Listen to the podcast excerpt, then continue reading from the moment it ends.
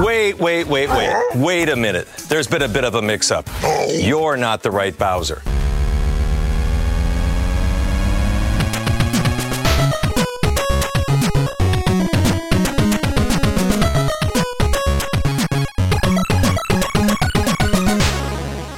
Goed, de volgende conferentie was maandagavond om 7 uur.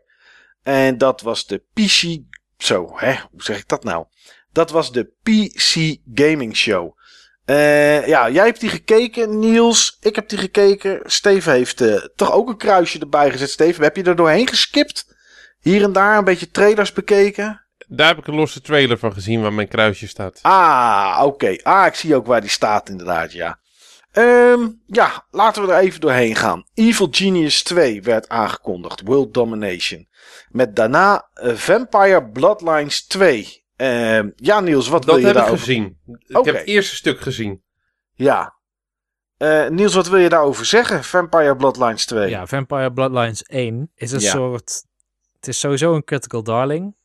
Inmiddels. Toen het uitkwam Mhm. was het eh gesabeld, zeg maar. Het was de allereerste Half-Life 2 engine game. Nog voordat Half-Life 2 uitkwam. Maar het zat zoveel bugs. Was zo anders dan mensen gewend waren van, eh, van dit soort spellen. Het is een soort first person. Ja, vergelijk, vergelijk het met een soort Deus Ex, zeg maar. Maar dan tussen de vampieren. Met allerlei Ja. verschillende vampieren clans. En de, de ene is zo lelijk dat ze eigenlijk gewoon niet gezien mogen worden door mensen. De andere is weer heel mensachtig en er zit heel veel verschil tussen. Ik vind het tof dat deze is aangekondigd. Ik had niet gedacht dat er ooit nog zo'n game zou komen. Vanwege rechtenproblematiek. Volgens mij White Wolf Entertainment of zoiets bezit geloof ik de rechten. Of van de originele tabletop roleplaying. Ik weet niet eens precies hoe het zit. Maar het was ingewikkeld. Ik zag het niet gebeuren. Het werd aangekondigd. Toen was ik heel benieuwd. Ik moet zeggen, Mhm. de eerste gameplay ziet er veelbelovend uit. Oké. Oké, nou, ben benieuwd. Ehm Starmancer, Chivalry 2 en Mosaic waren de drie games die daarna getoond werden. Met daaropvolgend Midnight Ghost Hunt. En dat vond ik wel grappig, moet ik zeggen. Ik, ehm, ik verbaasde me er ten eerste over dat het door één persoon gemaakt werd. Nou hebben we daar wel meer games van gezien, maar meestal hebben die dan toch een pixel art. Eh, dat is in dit geval niet. En dat zijn ook niet vaak games die je online kan spelen. Want dan moet je toch iets van een netcode programmeren, denk ik, Niels. Of kan je die tegenwoordig kant en klaar kopen of zo? Of uit een engine De trekken? meeste engines komen met een vorm van netcode.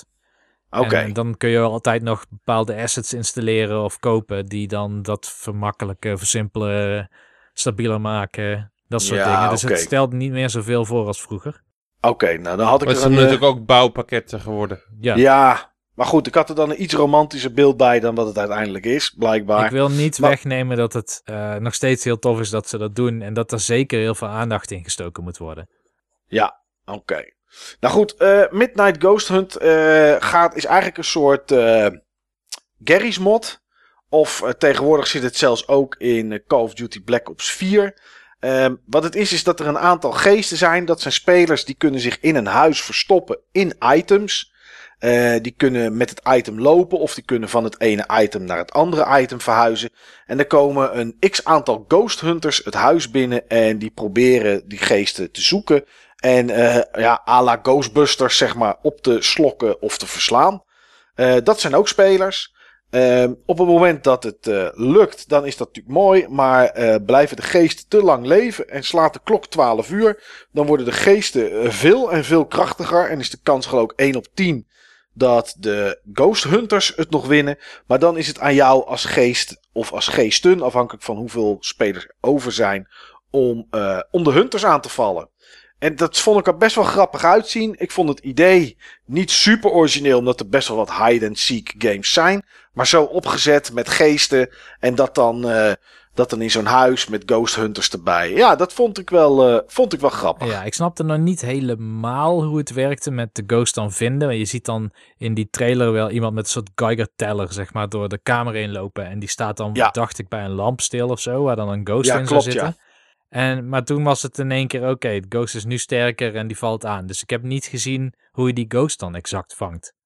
Ja, volgens mij was dat ja, met een soort eh, Luigi's Mansion-achtige achtige device. Althans, dat is wat ik, wat, ik, wat ik heel snel in die trailer ergens zag. Waarmee die Ghost Hunters in een, in een auto zaten, zeg maar. Dus, uh, maar goed, ik vind het wel een grappig concept. Wat ik zeg, origineel is het niet. Want Call of Duty doet het ook. En nou ja, goed. Er zijn meer games die het doen. Maar het idee is op zich, is op zich natuurlijk wel aardig. Daarna kregen we Unexplored 2.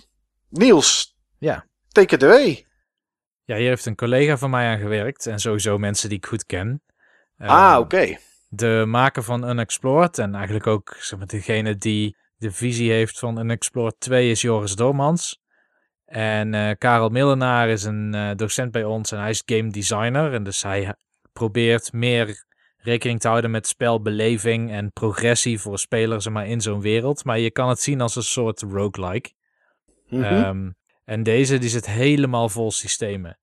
Uh, Oké. Okay. En uh, Joris Dormans is echt een systeemdenker. Hij heeft ook een soort tool ontwikkeld voor, ja, laat ik het even, het bedenken van systemen en zorgen dat systemen in balans zijn. En die tool wordt ook echt gebruikt door andere gamebedrijven om bijvoorbeeld te balanceren. Oké. Okay. Dus er zit oh, wel iemand nice. achter waar je veel vertrouwen in kan hebben. Ja. En ik vond het leuk om deze game te zien. Ik wist dat hij kwam. Uh, ik wist niet hoe die eruit zag, want ik heb de beelden niet gezien. Was ook, eigenlijk mocht ik niet weten dat hij kwam, maar ja, uh, mijn collega zat nou eenmaal te skypen met uh, Joris in de kamer waar ik zat te werken. Dus dan pak je dat soort dingen op. Ja. En ja, in mijn rol pak je sowieso heel veel op, ook van stages en heel veel dingen zijn onder NDA, dus dan weet je vaak wel waar dan, dan iets wordt ontwikkeld en wat. En natuurlijk al mijn bezoeken in, in het buitenland aan game developers. Maar um, ja, dit soort dingen vind ik dan extra leuk, omdat het een collega is met wie ik dan vervolgens, als ik hem van weer zie, wat waarschijnlijk overmorgen is, dan enorm diepgaande discussies kan hebben, zeg maar, over uh, wat ze dan aan het maken zijn. Ja, maar het is wel leuk. Ik vond het er leuk uitzien, moet ik zeggen. Ja, ik ook. Het zag er goed uit. En ik heb uh, daarna nog wat streams zitten kijken van mensen die dan uh, praten over de shows die ze gezien, die ze gezien hebben. Dropped Frames is zoiets. Uh, Zo'n show. En uh, daar vonden ze het ook tof eruit zien. En waren ze ook uh, geïntrigeerd door wat het precies was. Mutant Year Zero Seed of Evil wilde ik alleen even extra aanhalen. Omdat het een game is die in de Xbox Game Pass zit. Hij stond op mijn fameuze whiteboard om eens een keer te kopen. Maar hij zit in de Xbox Game Pass voor zowel PC als Xbox One. Uh, is een XCOM-achtige game. Uh, of je zou kunnen zeggen Mario plus Rabbids. Maar uh, met gemuteerde dieren. Echt de moeite waard. deze DLC. Ik heb eigenlijk niet gadegeslagen of die gratis was of dat je die moest kopen. Maar ehm, ja, ik wilde het eigenlijk alleen maar aanstippen om eventjes aan te geven dat het een, een hele toffe game is. Die je zeker eens een keer zou moeten bekijken als je, als je van, dat genre, van dat genre houdt. Moons of Madness Conan, Chop Chop en The Last Oasis werden aangekondigd met daarna Age of Wonders Planetfall. En daar wilde jij iets over zeggen, Niels. Lijkt me een hele toffe game. Dat wil ik sowieso ja. zeggen. Het is een Nederlandse studio, Triumph Studios. Uh, Lennart Sas kwam op het podium. Die had ik toevallige ja. week daarvoor nog gesproken. Uh, die zocht toen nog mensen om um, stage zeg maar, te lopen bij Triumph Studios. Waarschijnlijk voor het balanceren van de game. Want hij komt in september uit, dacht ik. Um, volgens mij wel begin september ergens of zo was het al. Uh, dat, hij, kwam, hij kwam heel snel uit in ieder geval. Ja. ja, maar ik vind het wel erg gaaf dat zo'n Nederlandse developer bij zo'n Paradox Interactive, want dat is dan de publisher, kan zitten. Omdat ze gewaardeerd worden voor het beheersen van een heel niche genre. Met een doelgroep die heel veel vraagt van de ja. developer. Ja, 6 augustus trouwens 6 komt augustus, oké. Okay. Ja, ja, ja. Ja, dit, uh, hoe heet het? Uh, Paradox is wel zo'n. Uh, ja, dat is zo'n aparte uitgever die met heel veel aparte games heeft, vind ik altijd. heel strategisch, diepgaand en dat soort dingen altijd allemaal. ja. Maar wel, een, ze geven af en toe wel mooie games uit. Dat is zeker zo. Zombie Army 4 Dead War met daarop volgend Remnant from the Ashes. Ehm, ik heb geen idee waarom ik het cool vind, maar ik vind het er super cool uitzien. En meer heb ik eigenlijk niet over te zeggen. Dat is heel slecht. Maar meer weten we volgens mij ook niet, Niels. Ik heb opgeschreven, het is een soort Gallius-achtige game. Ja. En Maar dat zegt, dat zegt heel veel mensen waarschijnlijk net zoveel inderdaad. als dat ik zeg, het ziet er goed uit. Nou ja, mocht je, eh, laat het wel zo zeggen, een aanrader misschien om eventjes naar te kijken, naar de trailer. Ja, het is gewoon een Misschien duistere mooie. game. Veel focus op, eh, op combat. Op combat waarin je je moet committeren, zeg maar, aan bepaalde moves. Ja, eh, fantasierijke figuren met, ja, met, met- die er apart uitzien, met grote hamers en een beetje Dark Souls-achtig om het maar weer eens erbij te halen. Of, of Bloodborne-achtig. Ja, het heeft een beetje, beetje die look. Beestjes en zo. Ja, precies. Eh Griftlands werd daarna getoond. Een, eh, een roguelike kaart battle game. Toevallig eh, zijn wij iets aan het spelen, Niels. Slay the Spire. Ja, Ehm, ja, dat is eigenlijk een beetje precies hetzelfde. Je hebt tegenstanders en ehm, ja, die staan rechts, volgens mij. Jij staat links als poppetje. En dan heb je een deck met kaarten eh, waarvan je er een aantal per beurt kan spelen. En zo moet je de tegenstanders verslaan. Volgens mij is dat het, hè? volgens mij is dat het precies. Eh, ik denk dat het echt een soort van Slay the Spire is. Met misschien wat unieke mechanics of zo erbij. Eh, en ik dacht dat ik een team zag. Dus in, Slay the Spire ben je één persoon. Tegen Ja. een aantal monsters. En volgens mij ben je daar een team. Ik zou me voor kunnen stellen, net als bij Baat en Kaitos, dat elke teammember ook een eigen soort kaart kan spelen. Maar ehm, ja, ik moet zeggen, ik geniet zo erg van Slay the Spire dat ik zo'n game als, als dit gewoon als een heel positief iets zie. En dat ik zeker benieuwd ben naar wat eruit gaat komen. Ja, ja, het is exclusief eh, voor PC op dit moment en het komt 11 juli al uit. Eh, Planet Zoo werd erna getoond. Ah, super schattig. eh, leuk diertjes. Misschien, wie weet. En daarna Shenmue 3. Ja, zeg het maar Niels. Jij wilde ook hier iets over vertellen. Ja, hier gebeurde iets heel raars. Ehm, Oh, ik, kijk, ik ben niet geïnteresseerd in Shenmue. nee. Ik ga het ook niet proberen.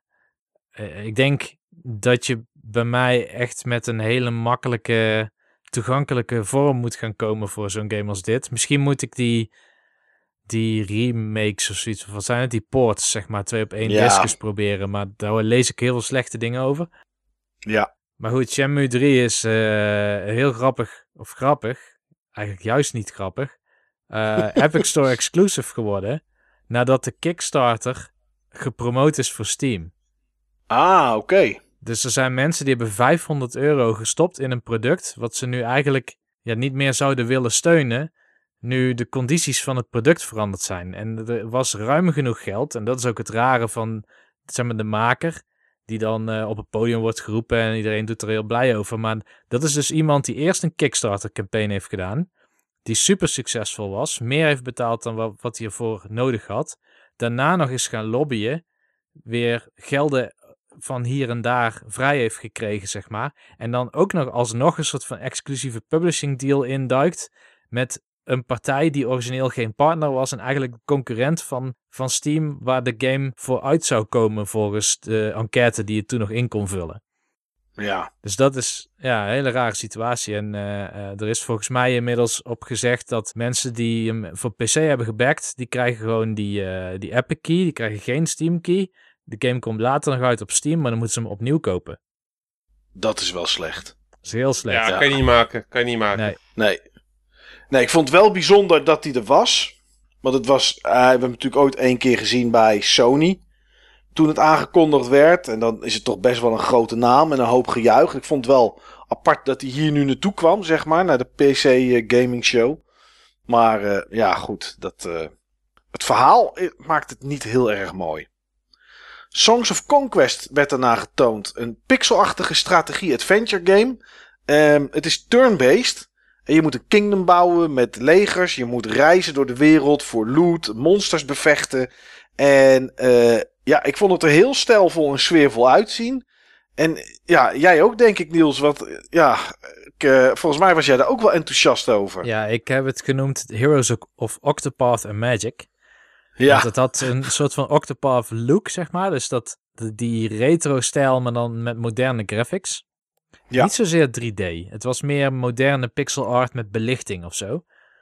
Ehm, ja. en het zag er zo trouw uit aan die oude Might and Magic look. ja, dat wel inderdaad, ja. Ja, ja je kan je opgeven voor een, eh, een alpha. Dat heb ik vandaag gedaan. kreeg ik daarna een mailtje waarin stond welkom bij de nieuwsbrief. Dus ik, voelde, ik voel me wel een beetje, beetje getrikt, moet ik heel eerlijk zeggen. Maar goed, ze zullen in de nieuwsbrief wel aangeven ooit een keer hoe je mee kan doen met de alpha. Eh, tot nu toe alleen voor Windows. Er is nog geen eh, release date of wat dan ook. Maar eh, ja, turn-based en, en strategisch en mooie, sfeervolle pixel art-achtige achtige zaken. Ja, ik, ik ben wel een beetje verkocht, moet ik zeggen. Ehm Vermintide Versus werd aangekondigd. Per Asperia, Ancestors, Autochess, Crystals, uh, Valvaris, Borderlands 3 kwam nog even voorbij. Maneater met, met, met, de, met, met de haai. Terraria uitbreiding en daarna Telling Lies. Ehm, komt jouw hond, Niels, in de aftiteling van Telling Lies? Als het aan mij ligt wel. ja, Maar Sam Barlow heeft niet om zijn geld gevraagd. oké. Niet om het geld van de hond gevraagd. Nee, niet om zijn kluif, want hij heeft geen geld. Nee. Nee, ehm, het ziet eruit als een game dat gebouwd is op hetzelfde framework als, eh, als zo'n story. Ja. Het was een full motion videogame, zeg maar, zoals heel lang geleden met Seventh Guest en Eleventh Hour. Dat soort dingen. In die game had je allerlei videoclips die je kon bekijken. Je zat in een soort van database van de politie of zo, waarin je ook kon zoeken naar clips, dus naar metadata kon zoeken. Bijvoorbeeld dat je, ehm, je noemt een datum of zo. En dan kreeg je filmpjes waarin die datum voorkwam. En zo moest je dan uitzoeken eh, wat er nou echt aan de hand is. Er is een situatie en die klopt niet. Nou, dat was een soort Ja. van mysterie game. En Telling Lies is weer zo'n game. Ehm, maar hier heb je eigenlijk meerdere personen en video's over al die personen. En ik neem aan, gezien de titel, dat je moet ontdekken wie de waarheid spreekt en wie niet.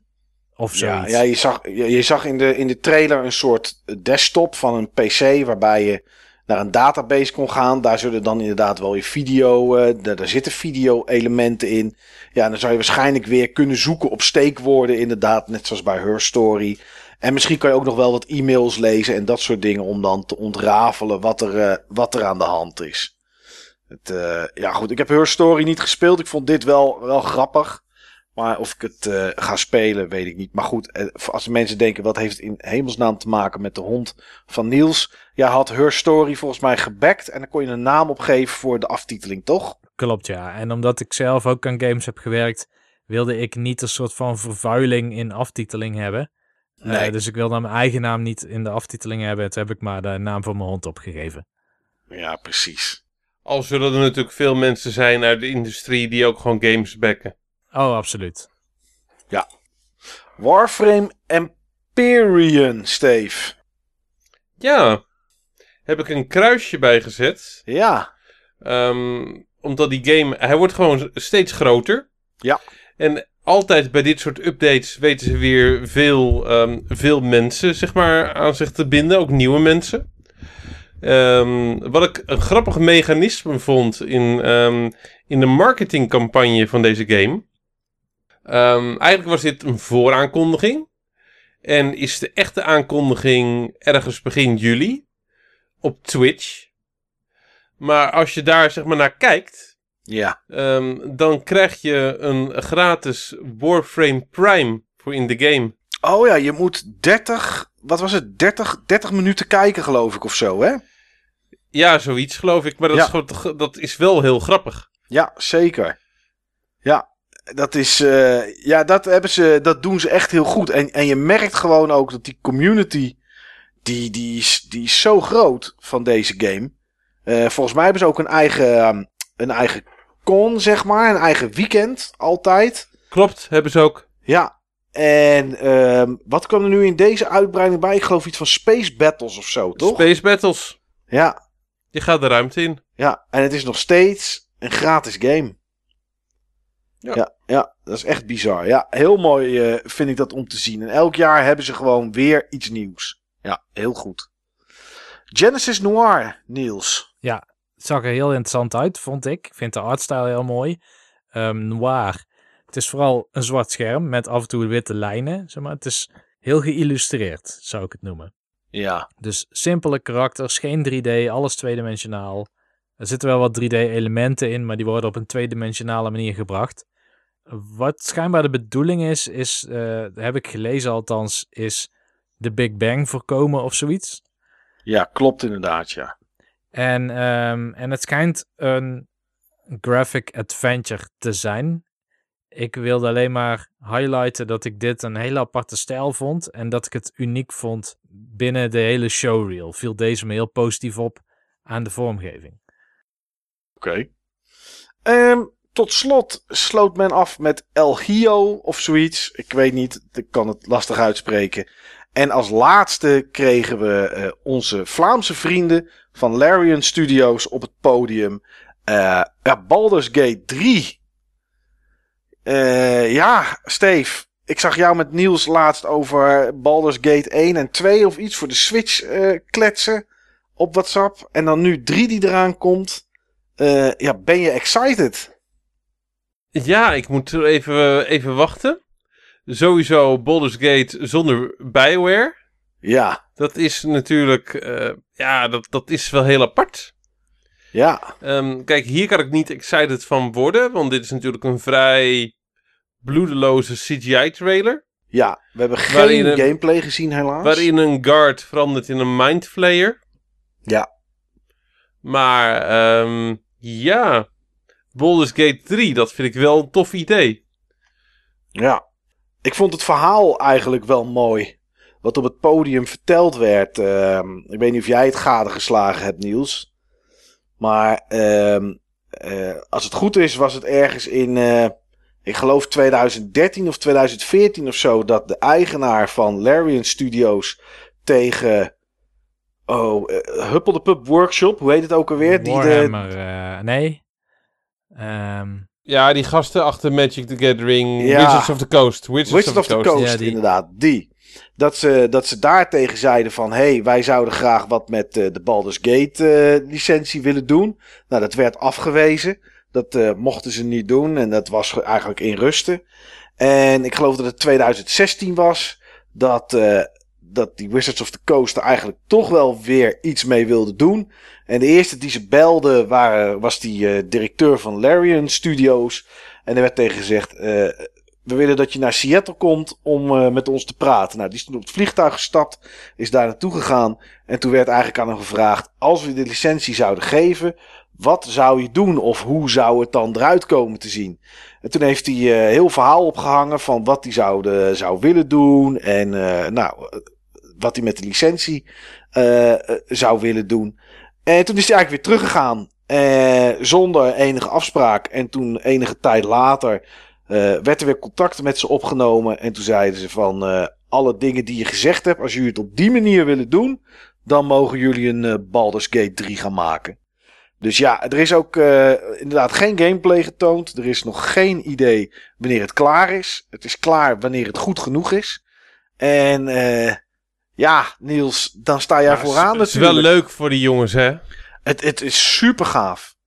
Uh, ik, en, ver, en verdiend. En verdiend. Want, zeker. Ja, ik kan me geen Baldur's Gate voorstellen zonder Bioware. Nee. Maar heb ik het over zeg maar de Bioware van toen, ook niet over de Bioware van nu. Nee. Nee, het is, ze hebben met Divinity Original Sin en, uh, en deel 2 hebben ze gewoon laten zien dat ze echt geweldige uh, ja, old school-achtige RPG's kunnen neerzetten, maar wel in de tijd van nu. En dat is gewoon, ja, dat, dat, dat hebben ze zo goed gedaan. En dat op eigen benen, zeg maar. Ja, dat, dat verdienen ze wel. Ja, er is geen andere studio die dit nu kan, denk ik.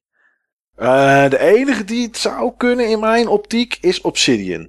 Als ik kijk naar uh, Pillars of Eternity en dat is waar, dat is waar. Uh, Tyranny. Die passen misschien nog wel beter eigenlijk. Tenminste, qua hun recente werken sluiten ze wel meer aan bij dat Advanced Dungeons and Dragons systeem wat onder Baldur's Gate lag. Ja. Maar weet je... Deze gasten komen er wel uit, joh. Ja. Maar ik vond deze reveal zo jammer. Ja, kei jammer. Ja. Bloedeloos, zo anoniem. Precies. En um, de trailer was al getoond. Ja, die hadden we al ja, gezien. Die hadden we al gezien. Die was gewoon zomaar gereleased op het net volgens mij. Ja, we hebben zeker vijf keer tijdens die PC Game Conference een onderbreking gehad Met een soort van, over een paar minuten krijgen we dit en dat. En, en we krijgen Baldur's Gate 3. Dus ik dacht echt, we gaan iets nieuws zien. Maar Ja. wat we kregen was exact dezelfde trailer. En daarna een Don't Ask Me Anything with de, de Larian Studios dude, zeg maar. Dat van tevoren vaststond wat er precies verteld ging worden. En het Ja. was eigenlijk, wat dat betreft, een, een, een afsluiting die die show niet had verdiend. Nee. Want nu we het daar toch over hebben, wat vond je van de show? Ik vond hem een stuk beter dan de vorige jaren. Ja, Vorige twee jaren. Ik weet niet wat ze daarvoor deden, maar de afgelopen twee jaar heb ik hem gekeken. ja, dat jaar daarvoor heb ik hem ook gezien. Toen was het echt met een bank op een podium, zoals David Letterman zeg maar ooit zat. En omdat mensen dan zaten bij, eh, bij Day9, eh, die gast die het presenteert, eh, was het allemaal, duurde het allemaal heel erg lang. En kreeg je de helft van de games te zien in 2,5 uur tijd of zo. Het duurde echt Ja. ontiegelijk lang. Nou ja, ik vond deze conference best wel goed. Ik heb me prima Ja. vermaakt. Eh, het was zeker niet een van de mindere conferenties van deze E3. Ehm, ja, er zaten niet... Wat, wat twee redenen heeft. Ja, Dit was dan eh, in jouw op- optiek geen slechte conferentie, maar de andere op- conferenties waren ook gewoon niet zo goed. nee, dat klopt. Het vergelijkingsmateriaal was natuurlijk zwak. Maar vergeleken met de voorgaande jaren, hè, eh, als je hier naar kijkt, het heeft gewoon even geduurd. Ehm, maar ze hebben nu een vorm gevonden die echt heel goed is. Eh, twee, twee hosts, een, een, een dame die best, best grappig is. Niet dat ze dijenkletsers vertelt, maar ze is gewoon leuk en, en, en spontaan. Eh, D9 op het podium doet het goed. Ehm, heel veel eh, heel veel ontwikkelaars komen even het podium op, zodat je net iets meer te horen krijgt. Niet altijd helaas te zien dan eh, je bij Microsoft hebt. Gewoon een trailer en dat was het. Dus ja, weet je, het zijn nooit de grootste onthullingen die ze hebben. Dat, dat is eh, volgens mij nooit eh, gelukt. Eh, wel, op wel voor PC, zeg maar. Weet je, ik bedoel, eh, daar hebben ze wel eh, dingen voor, maar dat is toch ja, soms wat ander publiek. Maar ze doen wel aardige dingen. Ja, wat ik zelf wel leuk vind aan deze vorm, en die vind ik beter dan vormen die we nog gaan bespreken, is als een, ehm, een publisher of een developer op het podium komt, dan is er een discussie met de host. Dan is het niet Ja. zo dat ze daar even de gelegenheid krijgen om hun perfect ingestudeerde elevator pitch te vertellen en daarna start de trailer. Nee, het gaat dan over de achtergrond van de game. Hoe gaan jullie dit aanpakken? Dat soort vragen worden gesteld. En dat, Ja. dat vind ik eigenlijk interessanter dan, ehm, dan dat er eh, bijvoorbeeld iemand bij Ubisoft een heel dramatisch verhaal gaat ophangen over iets, zeg maar, wat duidelijk een act is. Ja, ja, ja, dat is inderdaad zo. Nee, gewoon een eh, prima conference die inmiddels denk ik eh, zijn plekje verdiend heeft tussen, tussen de rest eigenlijk van de, van, de, van de conferenties die er zijn. Ja. Daarna kwam Limited Run Games. Ik heb Ja. dat niet gekeken. Jij wel, Niels, want jij hebt alle games genoteerd. Ja. Eh, laten we daar. Steve, je had bij drie dingen een kruisje gezet. Laten we Ja, die dat, drie- dat, he- dat heeft een reden en dat kan ik heel snel bespreken. Ja, Wat ik wel apart vind aan Limited Run, en dat had ik ook al eerder gemerkt, is dat ze soms ook gewoon best grote games uit mogen brengen. Mhm. En ook met best wel gecompliceerde licenties daarachter. ja, Ehm, z- zeg maar Shenmue 3 Collector's Edition lijkt me toch een grote game. Ja, zeker. Ehm, even kijken. ehm, Metal Slug 3. Dat is wel gewoon een SNK-titel. ja, en die mogen ze eh, toch uitbrengen voor de Vita. Ja, het belangrijkste voorbeeld. Star Wars Bounty Hunter.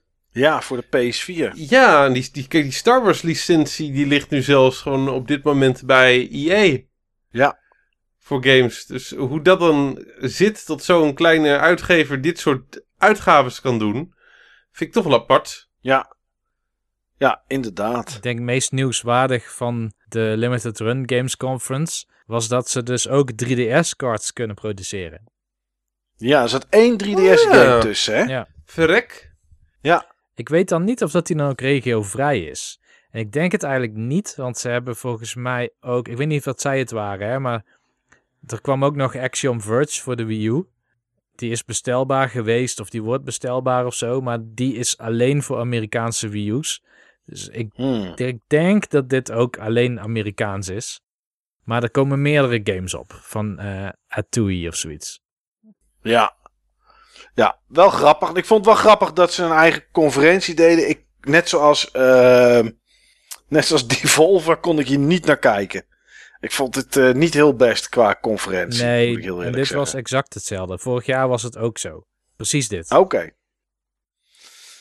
Doorgeschoven van eh, Limited Run Games naar de volgende persconferentie was Ubisoft. Die begon maandagavond om 10 uur. Ehm, en die begon met Watch Dogs Legion, een, de derde Watch Dogs, maar toch niet met het cijfertje 3. Ehm, dit was een onthulling van een game waar ik niet zoveel van geloof. Als je Watch Dogs 1 of 2 hebt gespeeld, was je één hoofdpersoon die een verhaal speelde en eh, dat was het.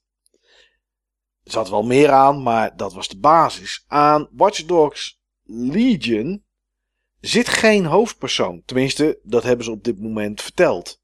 Ehm, maar iedereen is eigenlijk een hoofdpersoon. Je zou alle personen die je in Londen, want daar speelt de game zich af, ziet lopen, kunnen recruteren voor jouw leger en daar missies mee uit kunnen voeren. De een is goed hierin, de ander heeft specialisme daarin. Dus je zal wel op zoek gaan naar bepaalde personages. Eh, Er zal altijd wel iemand zijn die heel goed is in het een en die je dan toevallig tegenkomt. Eh, dat zullen ze vast wel doen. Maar in principe is er geen hoofdpersoon. Als er een personage doodgaat, is die ook permanent dood. Het is permadeath. Dat vond ik ook wel apart. Dus de enige hoofdpersoon die er dan kan zijn, is DeadSec. Dat is zeg maar het communicatiesysteem, is de computer die eh, praat met alle mensen die in dat leger zitten. Of misschien iemand die DeadSec aanstuurt. Dat zou natuurlijk kunnen. Alleen, het is wel vreemd, want dan zou je dus, als je iedereen kan recruteren voor die tienduizenden of misschien honderdduizenden poppetjes die door de stad lopen, allemaal niet alleen een uiterlijke statistieken, maar ook stemmen moeten hebben opgenomen. Misschien pitchen ze de ene anders of wat dan ook. Ik heb geen idee. Hoe moet dit gaan werken, Niels? Ik geloof het gewoon niet. Eh, ik weet het niet. Zombie U had ook zoiets, dus het is wel eerder gedaan. Oké. Dat was ook Ubisoft natuurlijk.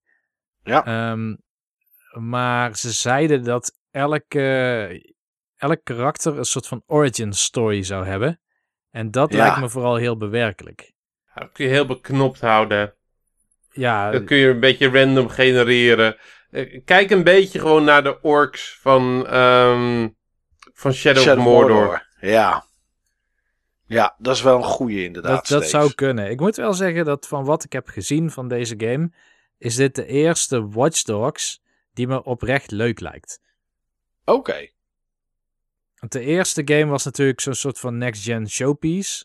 Toen die werd Ja. getoond. Achteraf iets minder. Ja, Mwah. werd een beetje bijgeschroefd, zeg maar. Ja. De tweede game, die werd voor mijn eh, ogen althans een beetje onserieus. ja, met een Dus yo-yo. een Saints Row-achtig eh aangepakt. was- Ik heb daar zo naar uitgekeken, hè, die eerste game. Ja. Jaren. Gepre-ordered eh, in eh, Collector's eh, Edition. En dan kwam het ding eindelijk uit en dan was het gewoon niet tof. En hij was niet eens bij de launch van de PS4 uit, hè? Nee, klopt. Dat kwam later. Ja. Een half jaar later, denk ik. Ergens in maart of zo. Ja. Nee, die tweede vond ik oh, was ja, dat snap ik wel nieuws. Dat was, ik heb het wel gespeeld als test om eh, bugs eh, te testen en dat soort dingen. Heb ik die game geloof ik eh, een uur of negen of twaalf heb ik gespeeld. Maar dat vond ik wel lang genoeg. Ja, ja. Nou, hier snap ik de hoek van. Eh, je bent één karakter, je be- probeert je quests te doen, maar waarschijnlijk haal je het niet. eh permadeath, je respawnt als een ander karakter dat je ooit hebt gerecruiteerd, waarin hele grappige karakters ook kunnen zitten. Ze lieten bijvoorbeeld een oma zien, die echt extreem traag over een hekje klimt, ook heel bewerkelijk. Het zag er wel grappig uit. Ehm, Ja. Maar ja, wat, wat houdt jou vast in die game? Zeg maar, daar ben ik nog wel benieuwd naar. Maar wat ze tot nu toe lieten zien, vond ik er wel tof uitzien. Oké. Mythic, Mystic, Mythic, Up. Mythic Quest komt eraan, een tv-serie eh, voor Apple Plus in samenwerking met Ubisoft. Eh, Rainbow Six Siege werd weer een nieuwe operation, eh, werd daar getoond en aangekondigd.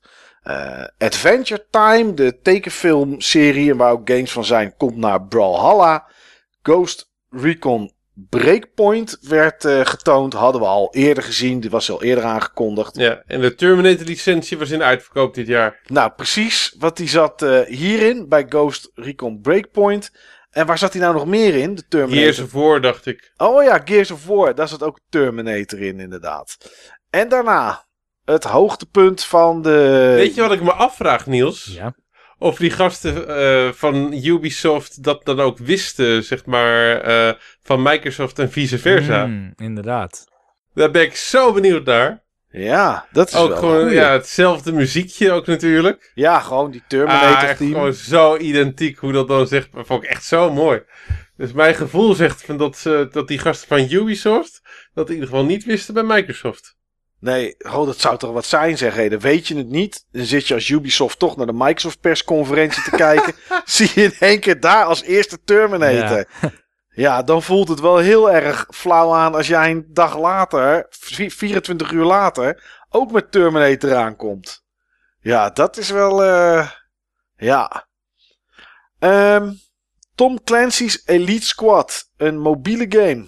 Niels, Steve, jullie wilden er alle twee iets over zeggen. Ik denk dat we allebei hetzelfde willen zeggen.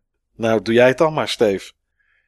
Het is voor mij jaren geleden dat ik zo'n lelijke game heb gezien van een grote uitgever. Ja. Wat was dit intens lelijk? Je zou je ogen ervoor uitprikken. Wilde jij dat ook zeggen, Niels? Nee, eigenlijk niet. Ik had een veel positievere boodschap. Oh, Ik dacht, hé, hey, dit is Mario Rabbids. Maar dan met hun eigen IP's. Dus Ja. met eh, Sam Fisher en, eh, en wat iconische, tenminste wat voor hun door moet gaan als iconische figuren uit andere Ubisoft IP's. Ik vind het leuk dat ze de IP's kennelijk hebben om zo'n game mee te maken. Maar ik vond het niet een game die ik zelf zou gaan spelen. nee. Ik vond het eruit zien als Team Fortress 2. En dat is, eh, dat is, dat is Half-Life 2 tijdperk, is dat. Zo vond ik het eruit zien. Ik vond het, eh, nee, ik vond het niks. Wat een lelijke visuele stijl, mensen. Echt bizar gewoon. Ja, ja ik vond het ook echt niks. PlayStation 1 niveau. Ah, Ja. Ehm, Just Dance 2020. Niels. ja, ze houden maar niet op met dansen. Nee, nee, nee. Maar ja, goed. We weten waarom ze het doen, hè. Dat, dat zijn, dit zijn de games die het meest opbrengen. En van dat geld kunnen ze dan eh, Tom Clancy's Elite Squad maken voor eh, de mobiel. Ja. Ja, wat wil je hierover zeggen, Niels? dat die voor de Wii uit gaat komen, fysiek. Ja, mooi, hè? Ja, hoe oud is dat platform? 2005 of zo? 2006 Ja, zoiets. misschien? Ja. Nou ja, ehm, wat een eh tale eh, heeft die, dat systeem dan nog in software support. In ieder geval voor deze licentie. Ja, ja. Ja, dit zou wel zo'n titel kunnen zijn die over een paar jaar heel veel geld waard is, omdat er misschien niet zoveel van uitkomen.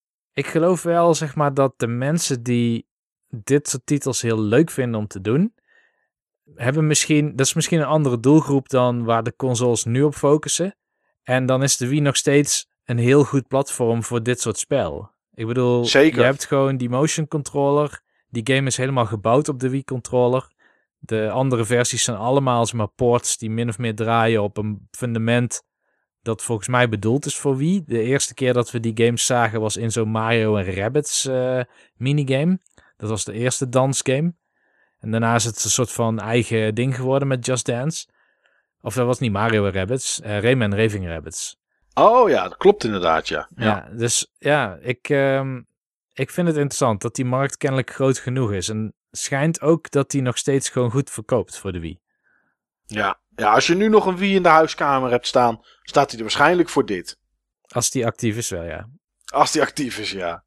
Eh, een uitbreiding voor For Honor. Een nieuwe Rainbow Six. Rainbow Six Quarantine. Maar we zagen niks meer dan een, eh, eh, dan een CGI-trailer. En daarna was de Division aan beurt. De Division 2 in dit geval. Ehm, episode 1, dat is de eerste uitbreiding voor de Year One Pass, werd getoond. Ehm, dat zijn missies die buiten het gebied liggen waar je nu kan komen. Dus buiten Washington. Ehm, gelijk werd episode 2, die in de herfst komt. En episode 3 werd getoond. Ik weet niet waarom. Want dat is pas ergens in, de, in begin 2020. Maar omdat de missie zich dan afspeelt in het Pentagon. Ja, wilden ze blijkbaar applaus ophalen of zo. Of gejuich. Want dat is denk ik de enige reden om dat te vertellen. Laat ze eerst maar eens komen met episode 1 in juli. Uh, ja, Steve, wat, wat wil je daarover kwijt? Ja, ik vond het toch vrij vroeg um, om, om zeg maar zoveel aandacht te vragen voor, voor, voor DLC. Ja. En het was ook echt, echt veel. Het was echt een, een, grote spotlight vrij kort na release. Ja, ja, dat klopt inderdaad. Ja, ik denk dat ze het doen om te laten zien aan de spelers van... hé, hey, we hebben echt nog wel aandacht voor deze game. Want het lijkt toch een beetje weggezakt te zijn. Uh, heel veel spelers zijn ook uh, een beetje pist over de rate die er nu is. Uh, ik ben Veel te moeilijk natuurlijk. Dat ten eerste. En ten tweede is, ehm, je, je kan hem niet spelen als je niet een team van acht bent. Er zit geen matchmaking in. En dat is toch waar mensen een beetje teleurgesteld over zijn en een beetje kwaad. Want, uh, nou ja, neem mij. Ik heb heel die game, de story en zo doorgespeeld met twee kameraden. Wij kunnen met z'n drieën niet de raid spelen. Want we zijn maar met z'n drieën. En je moet met acht man aan, aan de start komen. Kom je dat niet, dan kan je het niet spelen. Dus ja, ik denk dat ze hiermee wilden zeggen van... Jongens, uh, let op. We gaan uh, echt content erbij maken... zodat jullie nog wat te spelen hebben.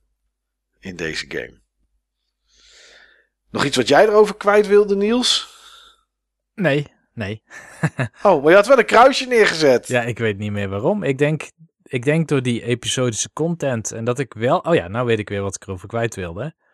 Um, interessant dat ze binnen de IP van de Division naar hele andere gebieden gaan. Als soort van one-off activiteiten of zo. Ja, zelfs terug naar New York, waar de eerste game zich afspeelde. Ja. Ja, ja niet, je krijgt waarschijnlijk niet heel New York, tenzij ze dat wel gedaan hebben, maar dat lijkt me sterk. Maar uh, ja, het zijn missies naar buitengebieden inderdaad, om ook de rest van Amerika uh, te bevrijden van, uh, van wat er aan de hand is. Ook New York, joh. Ik dacht toch vooral buitengebieden rond, rond Washington. Ja, maar ook New York. Ja. Oké. Okay. Er gaat ook één, één missie naar New York. En in de herfst komt de tweede raid. Dat hebben ze ook aangekondigd.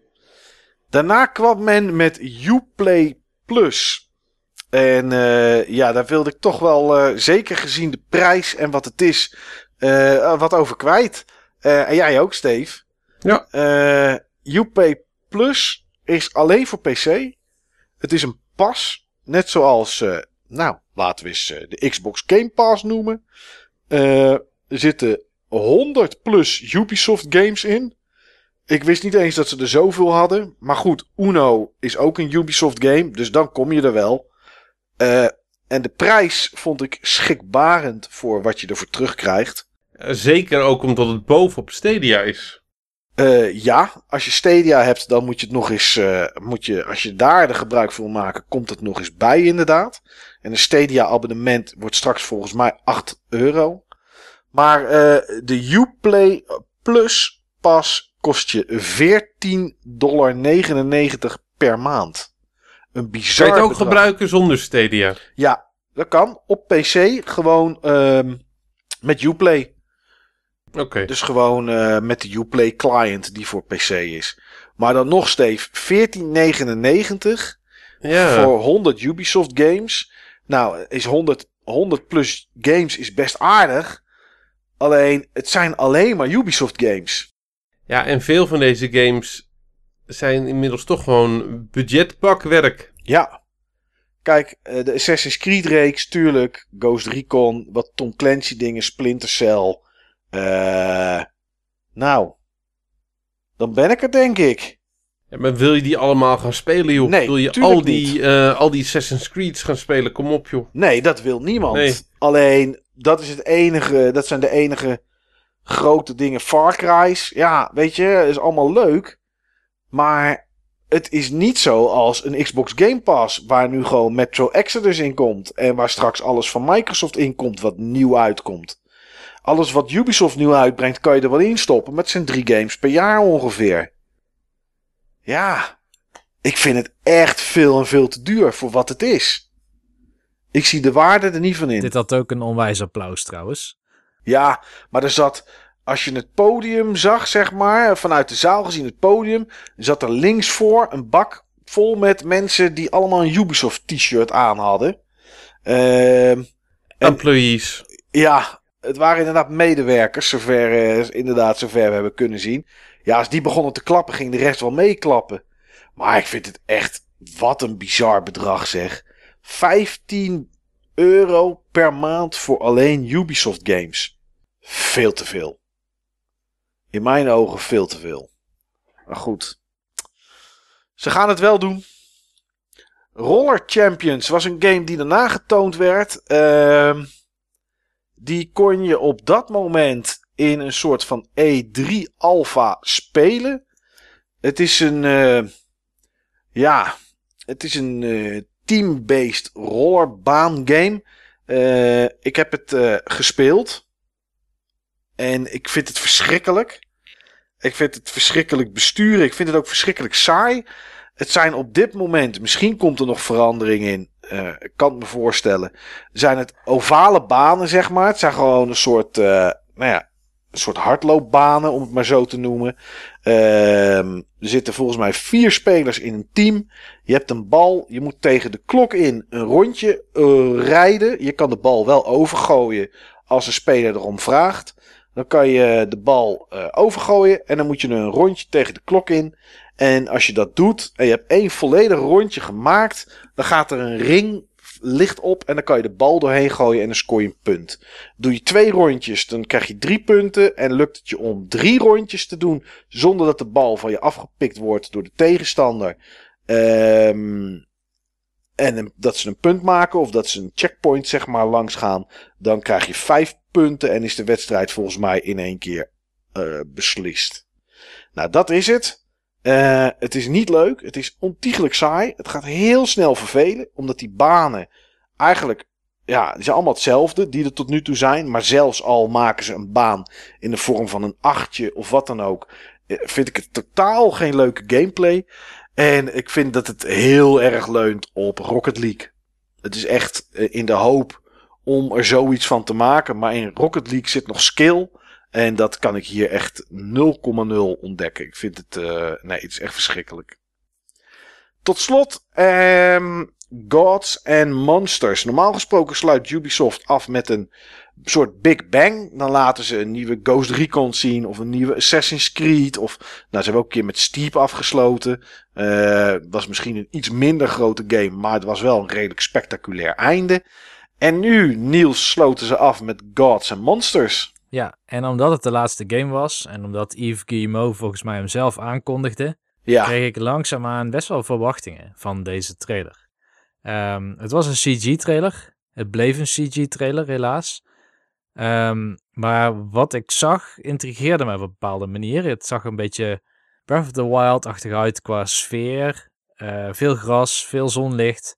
En op een gegeven moment zag je een soort karaktertje. Het is heel gestileerd, dus het is geen Assassin's Creed of zo, maar het ziet er heel cartoonisch uit, zeg maar. En je kreeg een karaktertje en ik zag een soort van Griekse pilaar. Ik dacht, nee toch. Kid Icarus. had gekund inderdaad, Ja, Nintendo en... eh, Waardig voor een, een einde, zeg maar, van zo'n conferentie. ja. Maar het bleef gewoon bij deze CG-trailer. Het was dus een hele andere game, Gods and Monsters.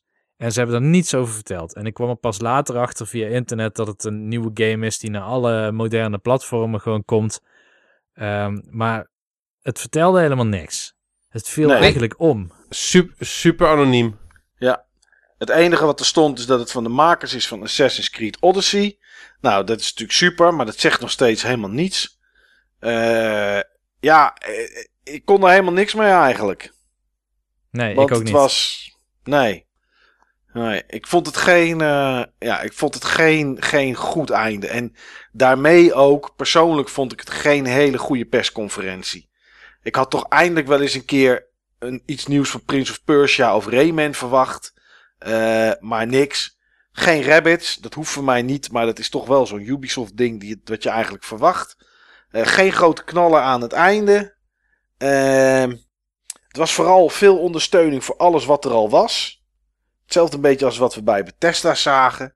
En ik vond het heel rommelig. Het ging van Rainbow Siege, Rainbow Six Siege naar Ghost Recon en weer naar Rainbow Six en dan weer naar Tom Clancy. Met daartussen door allerlei andere soort type games. Ja, ik... eh, nee, ik vond dit geen hele beste persconferentie. Eh, wat vond jij ervan, Steve? Ik eh, sta er hetzelfde in. We hebben Ubisoft laatst nog de meest consistente third-party uitgever genoemd. Ja. Eigenlijk zie ik daar niks van terug. Nee, inderdaad. Ja. Ja, daar heb je wel een punt, inderdaad, ja. Ik eh, had zelf het idee dat deze conferentie door een nieuw persoon of misschien door een team is bedacht. Want op een gegeven moment zei Yves Guillemot ook toen hij het podium opkwam van eh, goed georganiseerd jongens.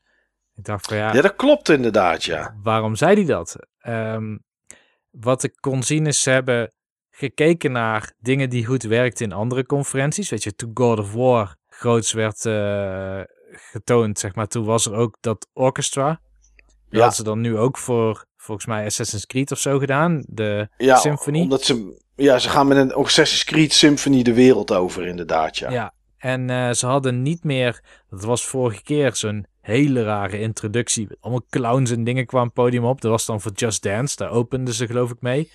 En Ja, die zat dan nu vrij low-key, dan ergens in midden, maar dan wel weer met een paar mensen die aan het optreden waren. en een beer. En een- ja, die panda, die zit er elke keer tussen. Ja, Dus ik had wel het idee dat ze een plan hadden, alleen het kwam gewoon niet bij elkaar. nee. Nee, en daardoor oogde het voor mij heel rommelig. En, en, en het was ook heel raar dat inderdaad Yves Guillemot, de, de, de grote baas van Ubisoft, komt normaal gesproken al een paar keer het podium op. Hij zat nu ook front row, zat hij te kijken eigenlijk naar zijn eigen show. En dat maakte het ook een beetje vreemd. Ja, ik, eh, nee, het was, het was niet, eh, niet echt geweldig.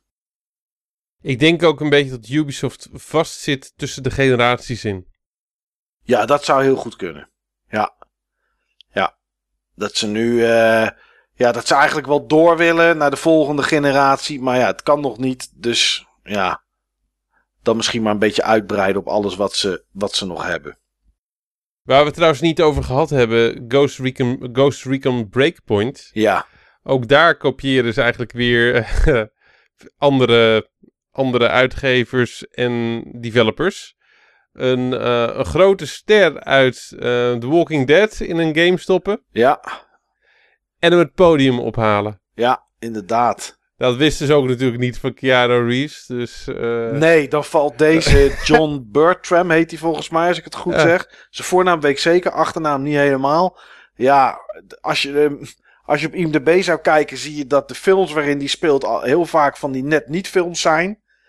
En eh, dus ze hebben en een, tweedehands Terminator. En ja, het, is wel de, het is wel de Punisher op eh, Netflix. dat hè? is die wel inderdaad. Dat klopt inderdaad. Ja. Maar het is geen Keanu Reeves. Het is geen Keanu Reeves. Nee. Nee. nee. En een Nee, het was tweedehands Terminator. Ja, het was zeg maar een beetje de B-versie van de Microsoft-conferentie. Ja, ja, inderdaad, ja. ja. Nou ja, goed. Wie weet wat ze volgend jaar doen. Ehm, tijd voor even nog een kleine break. We hebben nog twee persconferenties te gaan. Square Enix en eh, Nintendo. Dat zijn de enige twee die nog over zijn. En eh, nou ja, wij gaan even heel snel de benen strekken en zijn zo bij jullie terug.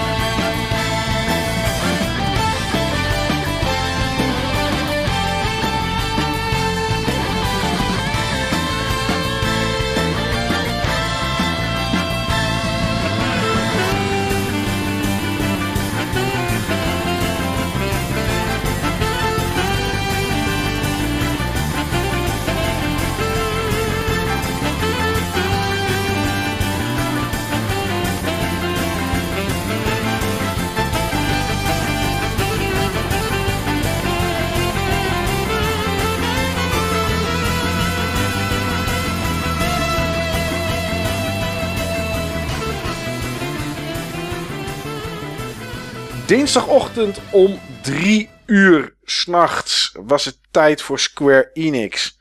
Eh, ja, ik hou toch altijd mijn hart vast als een Japanse uitgever slash ontwikkelaar een persconferentie geeft op de E3. Maar ik moet zeggen, dat ging Square eigenlijk prima af. En het eerste waarmee ze openen, en wat volgens mij 20 minuten duurde of zo, dus ze hadden er wel een hoop tijd aan eh, voor vrijgemaakt, was Final Fantasy VII, de remake. Steve, brandlos. Zag er goed uit. Ja, eens. Zag er goed uit. ehm, zowel de gameplay als de, mm, ik noem het eventjes, CGI cutscene beelden. Ja. Waarschijnlijk hebben ze daar ook zat van. ja. Want, want dit is gewoon de helft nog maar van het spel. Ja. En, die, en die, de helft van het spel staat op twee Blu-rays. Ja, ik begreep het niet helemaal. Dat komt waarschijnlijk omdat ik 7 niet 100% meer op mijn, eh, op mijn netvlies heb. Maar ze zeiden in ieder geval dat de game op twee Blu-rays kwam. En op die, e- op die eerste Blu-ray, daar stond alleen... Wat stond er nou alleen op? Midgar of zo? Ja, dat is die stad waar het begin van het spel zich Is- afspeelt. Ja. Is dat hoe ze hem episodisch uit willen brengen? Nou ja, blijkbaar. Oké, dan komt hij op die manier op twee Blu-rays. Ja, Hij komt in ieder geval episodisch uit. dat sowieso. Ja. En de eerste episode is 3 maart 2020.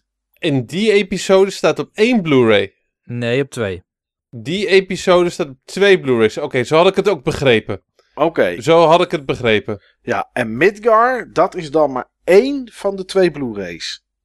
Nee, die staat samen, samen. Die staat waarschijnlijk samen op twee Blu-rays. Dat is samen één uitgave. Klopt. Oké. Ja, en ze weten nog niet hoeveel episodes het gaan worden. Hmm. Oké, maar kort samengevat. Wat een PlayStation-titel was op drie CD-ROMs, Ja. komt uit op minstens vier Blu-rays. Daar komt het wel op neer. Ja. Waarschijnlijk. Ja. Ja. Ook dat is wel een gevalletje van technologische vooruitgang. Al voel ik dat toch iets minder dan die beelden van Flight Simulator. Hier heb ik dan. eh, ja, dit is toch een beetje een luxe dingetje. Ja. Ja, ik, weet je, Ik, als dit uit zou komen op Stadia. en mensen zouden dit gaan streamen. dan zou het internet breken, denk ik. ja, ja, dat moet wel inderdaad. Ja. Nou, dan hoeft Ja. alleen het beeld eroverheen. Dus misschien, misschien dat dat goed komt. Nee, Dan gaan al die serverparken gaan dan roken, joh. ja, dat moet wel. Hé, wat is daar aan de hand? Ja, iemand speelt Final Fantasy 7 Remake. Oh, oké. Ja, wat vond jij ervan, Niels? Ik heb hele wisselende stemmingen rondom deze remake. Ja, De eerdere footage die we hebben gezien, die Sony had gereleased, die vond ik er ja, wel grafisch goed uitzien, maar het leek me helemaal niks. Ehm, de footage die we nu hebben gezien aan het begin van Square Enix, die vond ik beter dan wat we eerder hadden gezien. Mhm. Maar ik ben vrij bekend met het gedeelte van de game waarin de demo zich afspeelde. ja het begin. Ja, het begin. Zeg maar, je speelt in 20 minuten. Speel je vanaf de introductie, dat Cloud van de trein afspringt, tot ehm, dat je in die, die eerste reactor van eh, die Shinra Corporation, dat je die opblaast. Dat je dan via de trein vlucht en vervolgens in de hideout komt van de eh, Avalanche, dat is zeg maar de rebellengroep. Ja, Dan heb je 20 minuten ongeveer op de teller als je dat rustig aan doet. En hier zaten ze met 20 minuten nog rustig bij de eerste tussenbaas, zeg maar. ja, Dus ik vermoed dat dit een en al filler wordt. En dat daar mijn grote issue vandaan komt.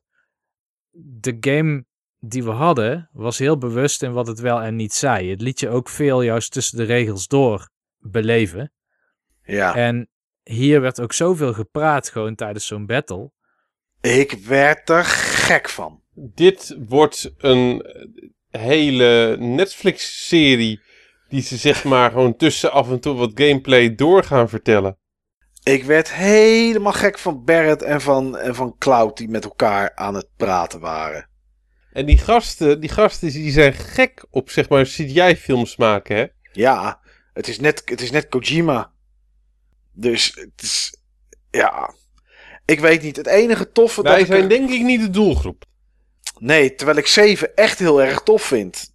Ik ook. Ja, maar het is wel zeg maar eh, een product geworden voor een hele specifieke doelgroep. Ja. Dit, dit, ja, dit wordt gewoon een enorm emo cosplay product. Ja. Dat durf ik wel te zeggen. Het enige wat ik er tof aan vond was Niks, dat de- er toch joh, ATB niet om in daar zit. zeg maar denigrerend mee om nee, te gaan, nee, maar nee, nee, nee. Nee, maar ja, er zit ATB in. Er zit eh, eh, Active Time Battle in. En dat zat natuurlijk ook in, eh, in de vorige. Alleen was dat natuurlijk het zeg maar turn-based battelen. Dat vind ik dan wel tof. Ik vind het tof dat je. Nou, niet heel tof eigenlijk. Je kan switchen tussen de personages in je, in je team. Maar je kan ook eventueel zo'n ATB-commando geven aan de andere personages in je team. Zodat je niet hoeft te switchen. Dat ze dat gaan doen. Maar voor de rest, ja, ik kan er nog, niet, nog steeds niet zo heel veel mee. We hebben alleen een battle gezien. Waar, dus, waar voor mij dus veel te veel in geouwehoerd werd. Ik werd er helemaal kniftig van. Ehm, ja, en meer dan dat hebben we niet gezien. Nee, eh, Eigenlijk. die battle deed me heel erg denken aan eh, The Last Story op de Wii. Die heeft dat ook, dat je kan switchen tussen karakters en dan heb je zo act- active time battle, maar je kan ook commando's geven aan andere karakters.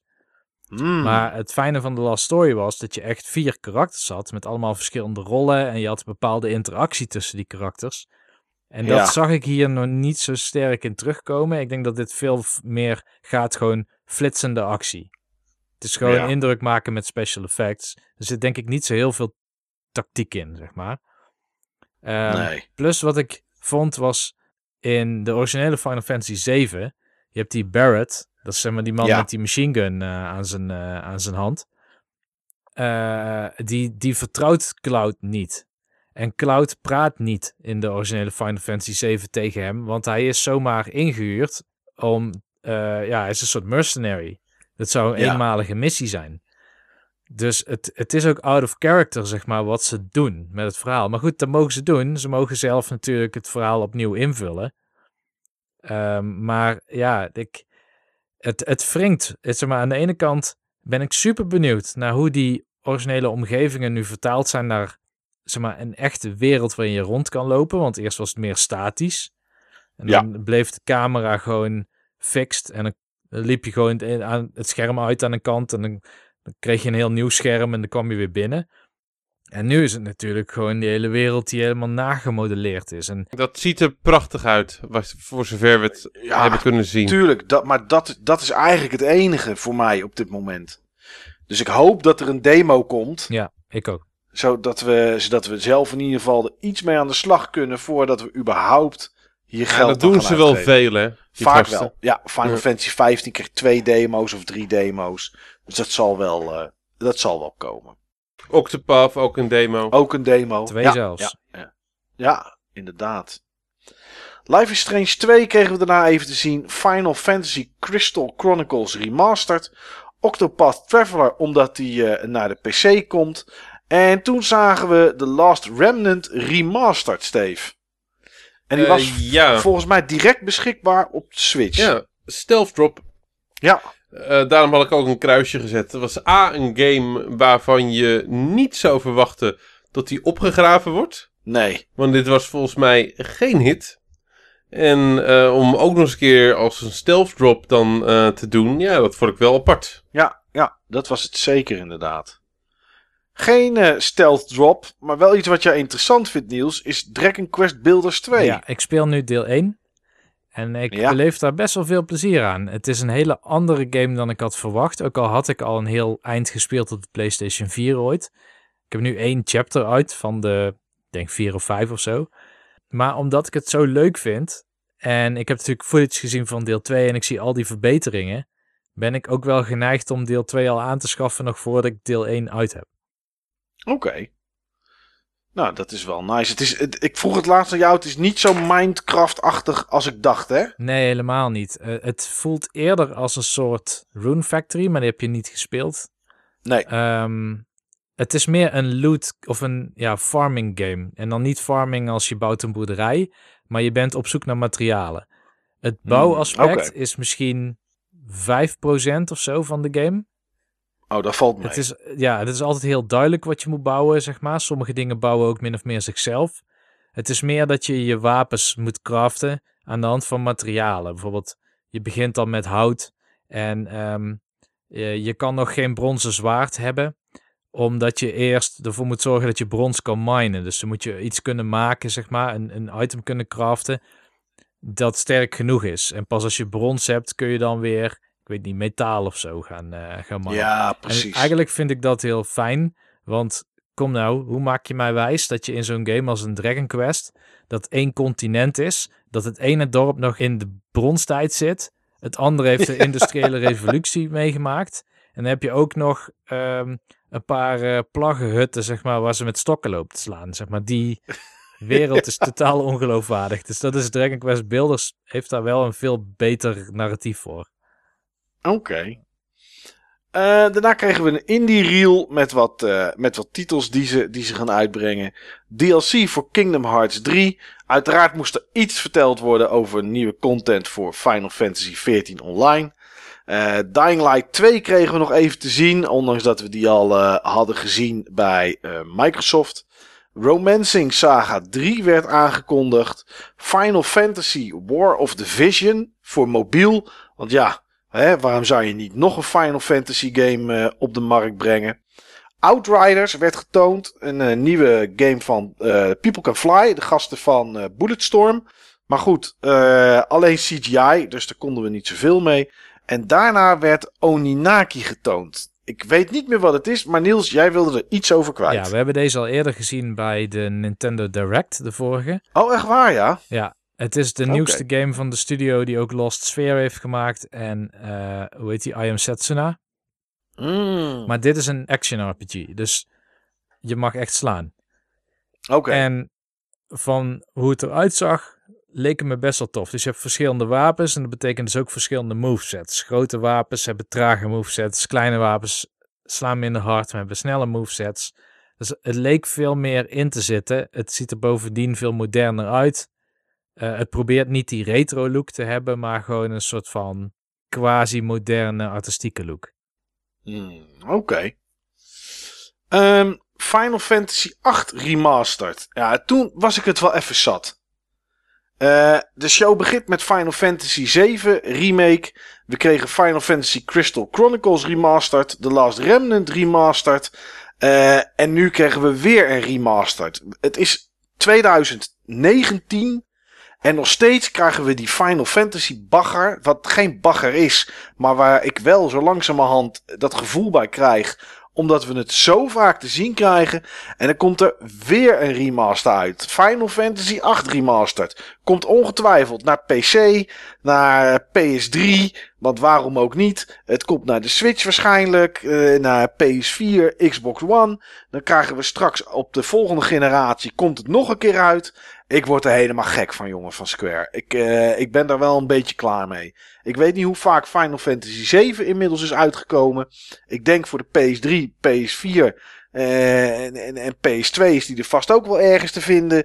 En, en de PSP en de Vita en de Switch en PC en, en eh, op een broodrooster. Weet ik veel waar die bagger allemaal is. Ik word er echt een beetje moe van.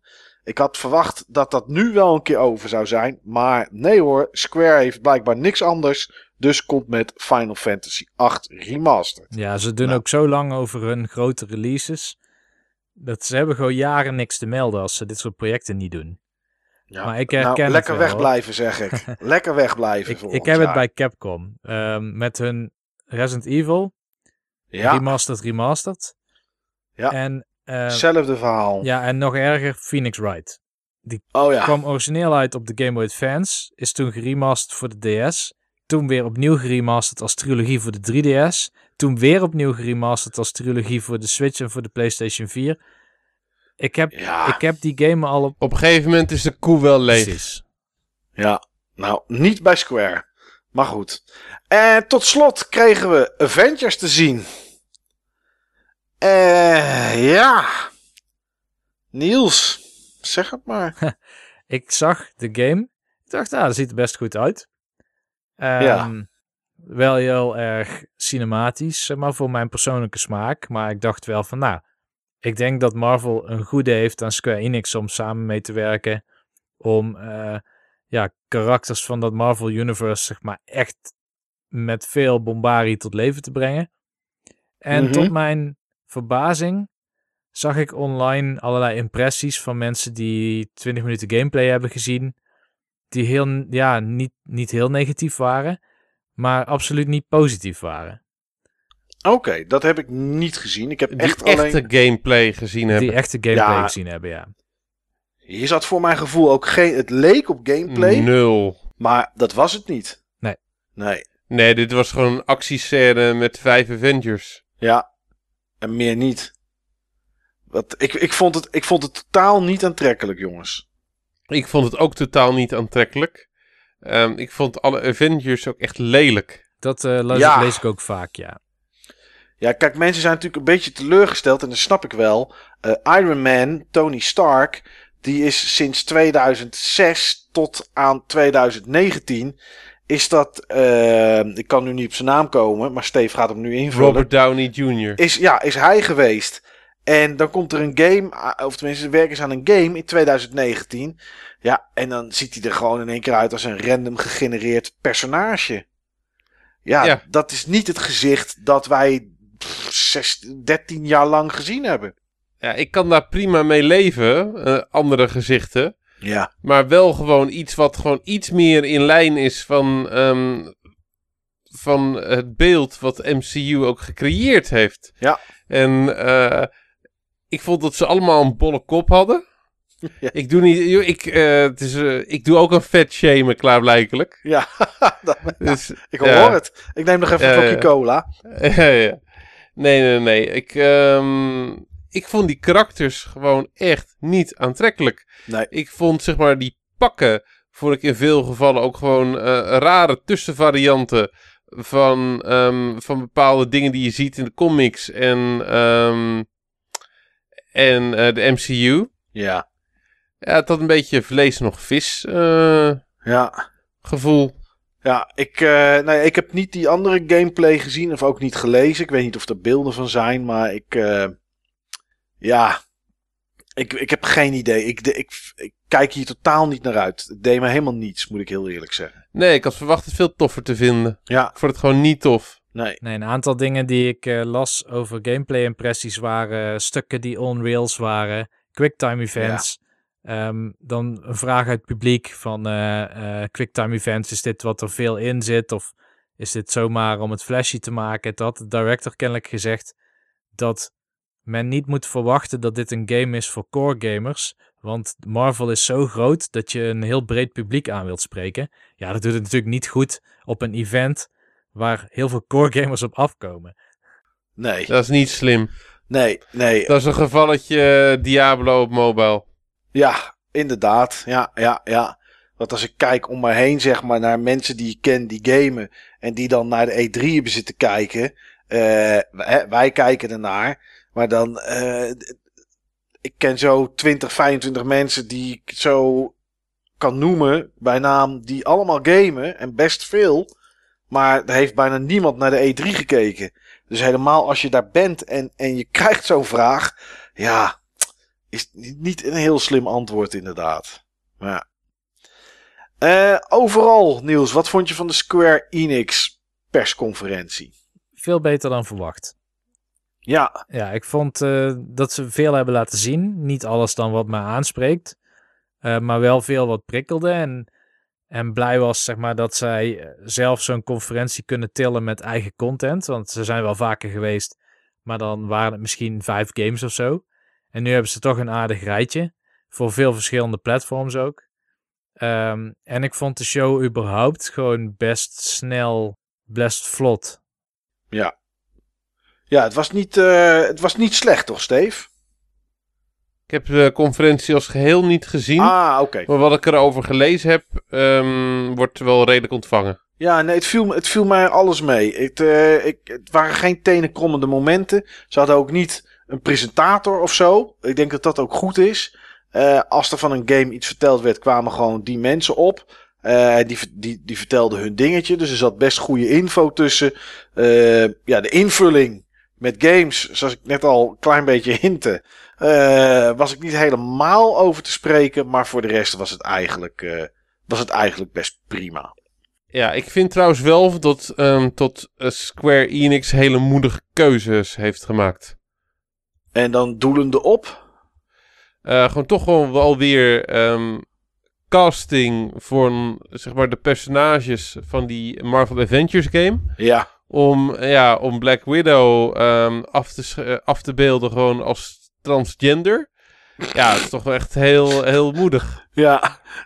Vooral, vooral het uiterlijk van, eh, van Black Widow wordt echt bijzonder goed ontvangen, heb ik zojuist gezien. Oké, nou misschien kunnen ze iets doen met de Sims 4 samen. Ja. Ehm, de allerlaatste in het rijtje is traditioneel Nintendo. En dat was dinsdagavond om 6 uur. Eh, een direct, altijd. eh, duurde 40 minuten. Maar mijn hemel, wat kregen ze een hoop in 40 minuten gepropt. Eh, ja, laten we er, eh, laten we er snel doorheen, eh, doorheen gaan. Dragon Quest komt naar Smash. Nou, dat is heel erg leuk. DLC, poppetjes komen eraan. Met honderdduizend figuren. Ja, Volgens mij wordt het roster een beetje verdubbeld in, eh, in Smash vanwege alle Dragon Quest figuren die eraan komen. ja. Ik denk dat het costumes zijn. Maar als het alt zijn, dan komen ze wel Dat, denk, los in het dat roster. denk ik ook. Dat denk ik ook, ja. ja. Dat kan bijna niet anders. En nou ja, dan kan het ook niet anders daarna natuurlijk dat, eh, dat er een Dragon Quest game aangekondigd wordt. En dat was Dragon Quest 11, de Definitive Edition S. Eh, aanschaffen, Steve? Het zag er echt erg goed uit, vond ik. Ja, het is echt een leuke... Leek me ook echt leuke wel een leuk spel. En deze is gewoon veel completer gemaakt. Eh, ik vind het ook een tof. Het lijkt me ook een toffe game om op eh, Switch te spelen. Ja, het is echt een leuke game. Toevallig had ik het er laatst met Niels even over. Ik weet begot niet waarom. En toen zei ik ook, ik baal eigenlijk dat ik er maar iets van 20, 25 uur in heb zitten. Maar dit is echt zo'n game. Ja, dat gaat naar de 60, 80 uur of zo om het uit te spelen. Ja, dat is wel een eh, behoorlijke timesink. Ja, en dan kun je nagaan. Nu heeft elk karakter nog een extra verhaal. Ja, Ja, er zijn, ja, van de andere kant, ze hebben de battles sneller gemaakt. ja oké, dat kan wel een hoop schelen. Er zijn op zich genoeg battles. Luigi's Mansion 3. Ja, geen verrassing. Eh, ik weet niet of die ooit al eens eerder aangekondigd was. Maar het was wel... Ja. Ja? Ja, in, eh, in vol- volgens mij die grote Nintendo Direct aan het begin van het jaar. Ah, oké. Nou, ik wist het niet zeker meer. Maar goed, we wisten sowieso dat we de game te zien zouden krijgen. Want hij was ook op de beursvloer te spelen. Eh, ja, Steve, zeg het maar. Luigi's Mansion 3. Zag er fantastisch uit. Ja, Ik vond het visueel echt enorm aantrekkelijk. En ja, het was gewoon echt leuk. Kijk, eh, je ziet gewoon. eh, Ik vond het er. Ik vind Mario, Mario Odyssey vind ik echt mooi. mhm. Maar dit vond ik veel mooier. En kijk, of je zeg maar de grote werelden van Odyssey moet renderen. Ja. Op 60 frames. Of toch wel zeg maar de beperkte kamers en gangen van, eh, van Luigi's Mansion. Ja, gewoon de effecten, de lichteffecten. Ja, eh, stofeffecten, allemaal van dat soort dingen. Wat ook zeg maar op de Gamecube versie, de oorspronkelijke Gamecube versie al echt goed, eh, goed zat. Ja, dat, is ook weer zoveel niveaus hoger, joh. Echt, eh, ik vond het echt mooi. Ja, ja ik, eh, toen ik dit zag, toen dacht ik van... Oké, nu wordt het toch echt een keer tijd dat ik Luigi's Mansion eens ga spelen. Eh, ik, heb, ik heb hem liggen, deel 1 voor de Cube. Ik heb het gewoon nog nooit gespeeld. Volgens mij is het een game van 4 tot 6 uurtjes of zo. Duurt het niet zo heel lang. Ehm, maar ik vond dit er leuk uitzien. En elke keer komen er weer wat, wat, ja, wat dingen bij. En er kwam nu een aparte modus bij ook, waarbij je online kon spelen. Dus dat vond ik ook wel grappig. Volgens mij, eh, eh, lokaal had je ook co-op, omdat eh, Luigi zich zo kon splitsen in een soort van, ja, flubber Luigi, om het maar zo te noemen. Luigi. Guigi, dat was hem inderdaad, ja. Ehm, dus ja, dit is toch wel leuk, Niels. Ja, ik vind het er leuk uitzien. Het is van de makers van Dark Moon. Deel 2 op de 3DS. Ehm, Oké. Er waren wat, nou niet zozeer issues. Ik denk de meeste mensen vonden Dark Moon echt een goede game. Maar er waren wel wat wensen, zeg maar, blijven liggen aan de hand van Dark Moon. Het was wat gesegmenteerd vergeleken met de eerste Luigi's Mansion, waar je echt één groot mansion had. In Dark Moon Ja. had je meer missies en kon je maar een deel van de mansion in. Was in een hotel, toch, of zo? Mm, Nee, dit is een nee, niet? dit, dit is een hotel. Oh, dit is een hotel. Oh ja, dat was het inderdaad, ja. Ja. Nou, ik vond sowieso er hele toffe kamers tussen zitten. Ehm, ik was niet benieuwd naar eh, Luigi's Mansion 3. Ik had er eigenlijk heel weinig aandacht voor. Maar ik begin het toch wel aantrekkelijk te vinden aan de hand van wat we nu hebben gezien. Oké. Ehm, wat vond je aantrekkelijk aan Link's Awakening? Ja, dit is wel een omslag ten opzichte van de eerste keer dat ze het lieten zien. Link's Awakening vind ik echt een hele gave Zelda-game.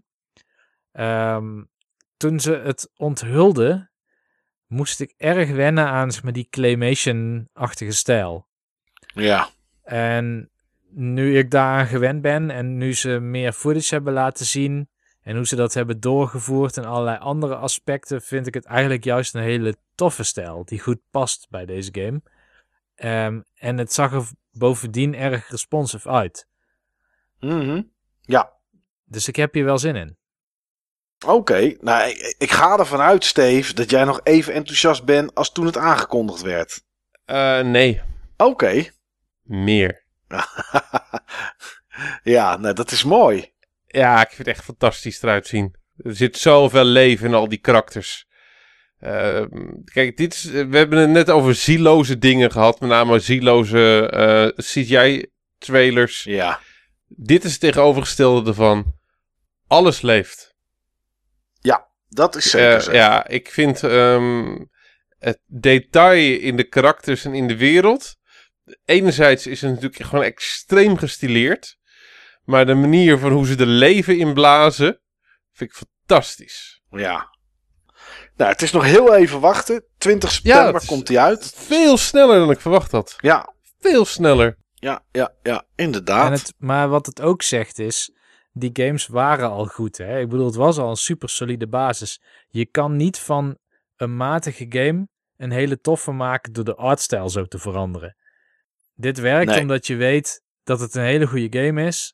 En het werkt goed samen met die nieuwe artstijl. En dat maakt eigenlijk dat ik Klopt. meer nog uitkijk naar dit dan dat ik zelfs deed naar de oors- oorspronkelijke game toen die uitkwam. Ja. Oké. Nou, ik ben benieuwd. 20 september dus. Vrij snel. Ja. Ik eh, denk dat we het eh, met z'n drieën er wel over gaan hebben ergens een keer in een game talk. Oh, zeker weten. Ja. Daarna werd Trials of Mana een remaster eh, aangekondigd. Ja, Steve, jij wilde daar toch iets over kwijt. Ja, dit was een beetje de anti-Secret of Mana remake van een jaartje geleden. Oh, Dit zag er echt goed uit. ja.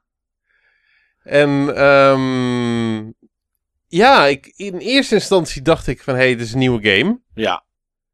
Eh, want dit is niet, eh, dit is niet uh, Seiken Densetsu 3. Maar ik, ik had wel zoiets, die karakters komen me zo bekend voor, joh. Die karakters komen eh, me toch wel ergens gewoon bekend voor, heb ik eerder gezien. En toen later wist ik het al, in dezelfde Nintendo Direct. Ehm, de, die collectie komt ook uit van zeg maar die drie ehm Seiken Densetsu spellen. Ja. De drie Secret of Mana's. Waarvan eigenlijk alleen deel 2 Secret of Mana heet. En eh, deel 3, die hebben ze dus ook vertaald in Trials of Mana. En het is gewoon een remake van deel 3. Ja, die is inmiddels al uit. De Collection of Mana. Want die eh, werd dezelfde dag eh, werd die Stealth inderdaad. drop. Ja. Ja, was inderdaad van... Hey, Collection of Mana, nu beschikbaar. Heb je hem al gekocht, Niels? Collection of Mana? Of heb je juist een kruisje erbij gezet omdat je het totaal niet wil kopen? Oh jawel, ik ga het zeker kopen. Eh, ik heb het nog niet gekocht. Ik verwacht dat ik in Korea wel weer zo'n fysieke versie kan oppikken. Oh, dat zou leuk zijn, ja. Dus daar ben ik eigenlijk op aan het wachten. Ehm, dit is wel voor mij heel lang een droom geweest. Dat die Seiken Densetsu 3 gelokaliseerd zou uitkomen. Want het is de Ja. betere Secret of Mana. Mm. Hij is eh, fantastisch. Dit is de eerste retro game die ik in feite heb gespeeld. Oké. Ik heb hem gespeeld direct na mijn studietijd. Geëmuleerd op een, eh, op een computer. En dan fan-based vertaald of zo. Ja, die was prima. Eh, Ja. Die, fanbase, die fanvertaling was beter dan de officiële vertaling van Secret of Mana. Ja, 9 van de 10 keer wel inderdaad, ja. Ja. Oké. Ja. Daarna. The Witcher 3. De Complete Collection. Wat heb ik gelachen, zeg. Mijn hemel, dit ziet er niet uit, jongens. Je moet, Ik vind het- het ziet er lelijk uit, maar er zijn beelden van de PlayStation 4 versie naast de Switch en je ziet het verschil bijna niet. De Is game was waar? altijd lelijk. Het is wel lagere resolutie, maar de Ja. belichting is wel hetzelfde. Zijn wat plantjes weggehaald her en der. Maar het valt, het valt echt mee. Als je ze naast elkaar ziet, denk je, oké, het valt mee. Maar toen ik het zag, de eerste beelden, toen dacht ik ook, oh, wat is dit voor een rare resolutie. Ja, niet normaal. Er is ergens een video op YouTube eh, waar ze het op ultra low settings draaien. En dan krijg je een soort Team Fortress 2 uiterlijk. Nou, ik echt. Het, ik, krijgen betere performance of zo. ja, dat voor PC wel. Ehm, maar het. Ja, jeetje. Oh, ultra low settings ja, op PC. ja, op PC, op PC. Ja, ja, ja. Maar het, het, het, het oogt als een natte drol, dit joh. Het is. Het, het- geen textures of bijna niet. Eh, alles, alles is gejitterd. Overal zie je blokjes. Ik vind het knap hoor. Dat, dat vooropgesteld. Ik vind het knap van CD Projekt Red. Als ze qua performance hetzelfde kunnen bieden. als dat PlayStation 4 Pro of een PC kan, zeg maar. Dan vind ik het echt wel knap dat ze dat lukt op een Switch. Maar nee, het, Het le- levert Het heel ziet- veel grafisch in. Dat is absoluut Ja. zo. En dat is toch ook een stuk beleving van die wereld. Maar ja, goed, eh, mocht je. Ik zie de noodzaak niet van, Nee, van, van dit ding. nee, is het ook niet. Maar goed, mocht je hem willen hebben, de Complete Collection, hij komt ook naar PS4, Xbox One en eh, naar PC. Iets waar ik helemaal niks van snap. Maar goed, jullie hebben geen kruisjes gezet. Is bij Fire Emblem Three Houses. Dus daar willen jullie het niet over hebben. Resident Evil 1. Je snapt niet dat wij het er niet over willen hebben. Nee, snap ik eigenlijk niet. Nou, we kunnen het er gewoon over hebben. Wat wil jij erover zeggen, Niels? Eh, ja, ik heb hem gepreorderd. Dat kan ik vertellen. Ik ook. Ja. Dankzij Niels. Ja, wat willen we erover zeggen? Ik heb het gevoel dat we er al zoveel over hebben gezegd. Maar ook omdat het zo snel al uitkomt. Dat ik Wanneer niet komt heel het veel uit? te melden heb. Ik dacht volgende maand of zo. Oké, ik heb het even niet op mijn netvlies, maar we kunnen het er wel even bij pakken. Fire Emblem Three Houses, 26 juli. Nou, weet je, daar gaan we er inderdaad niks over zeggen. Dan hoor ik het tegen die tijd Ja, wel. de reden waarom ik zeg maar geen kruisje had gezegd, is omdat hetgeen wat ik gezien heb, niks toevoegt ten opzichte van mijn ehm, Gevoel en gevoel beleving. Ja, van, voor deze game. Resident Evil 1, 5 en 6. Steve. Ja, ze moeten snokken met die Resident Evils, man. Precies, ben ik helemaal met je Ja, dit is, pas, dit is pas uitmelken. Zeker, net zoals Final Fantasy 7 is Final Fantasy, Resident Evil 1 ook echt een koe. Maar wel met hele laag hangende uiers. Er komt inmiddels alleen nog maar geruis uit voor mij. Ja, ja, inderdaad. En dit zijn ook echt de mindere delen op, eh, op Resident Evil 1 na. Ja, 5 en 6. Ik snap het echt niet. Maar goed. No More Heroes 3 werd aangekondigd. En eh, daarna werd de Contra Collection aangekondigd. Met Contra Rogue Corps.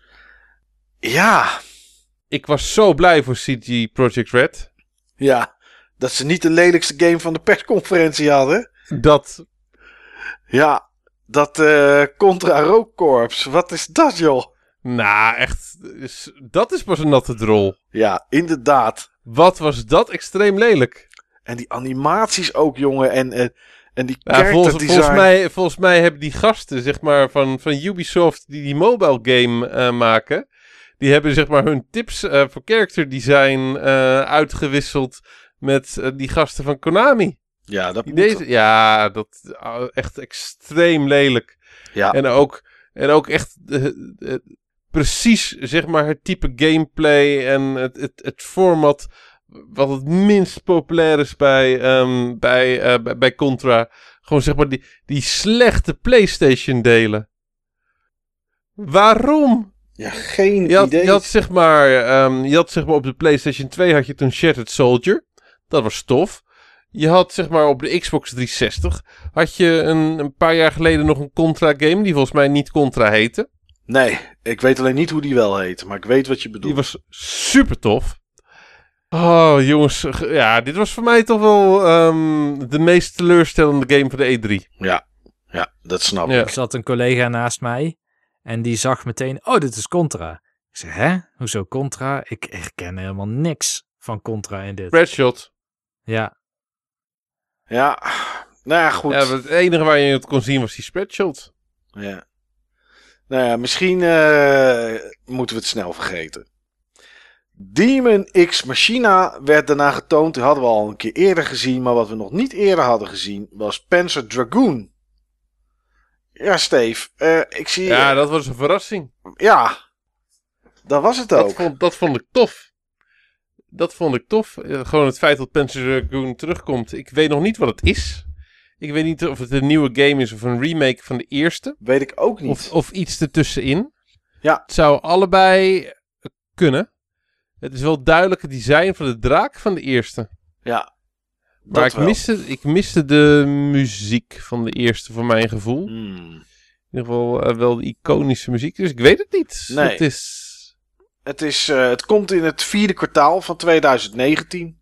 Dus eh, nou ja, ze hebben nog even om, eh, om het ons rustig, eh, rustig te vertellen wat het dan precies ja moet zijn. ik vond het eh, lijken op een soort Panzer Dragoon, now starring Spyro the Dragon of zo. Want het was echt heel kleurrijk en zo herinner ik me die game niet. Ja, ik weet niet hoe die Panzer Dragoon, wat was het, op de 360 of zo, die nog eens een keer is uitgekomen? Die was donker. Die was donker, oké. Ja. Ja. Ik weet dat het daar nog een deel geweest is, maar ik heb het niet gespeeld. Pokémon, nee, Poke, niet Pokémon, Pokémon, Pokémon. Mijn soort- gevoel zegt dat het een remake is. Het zou zomaar kunnen.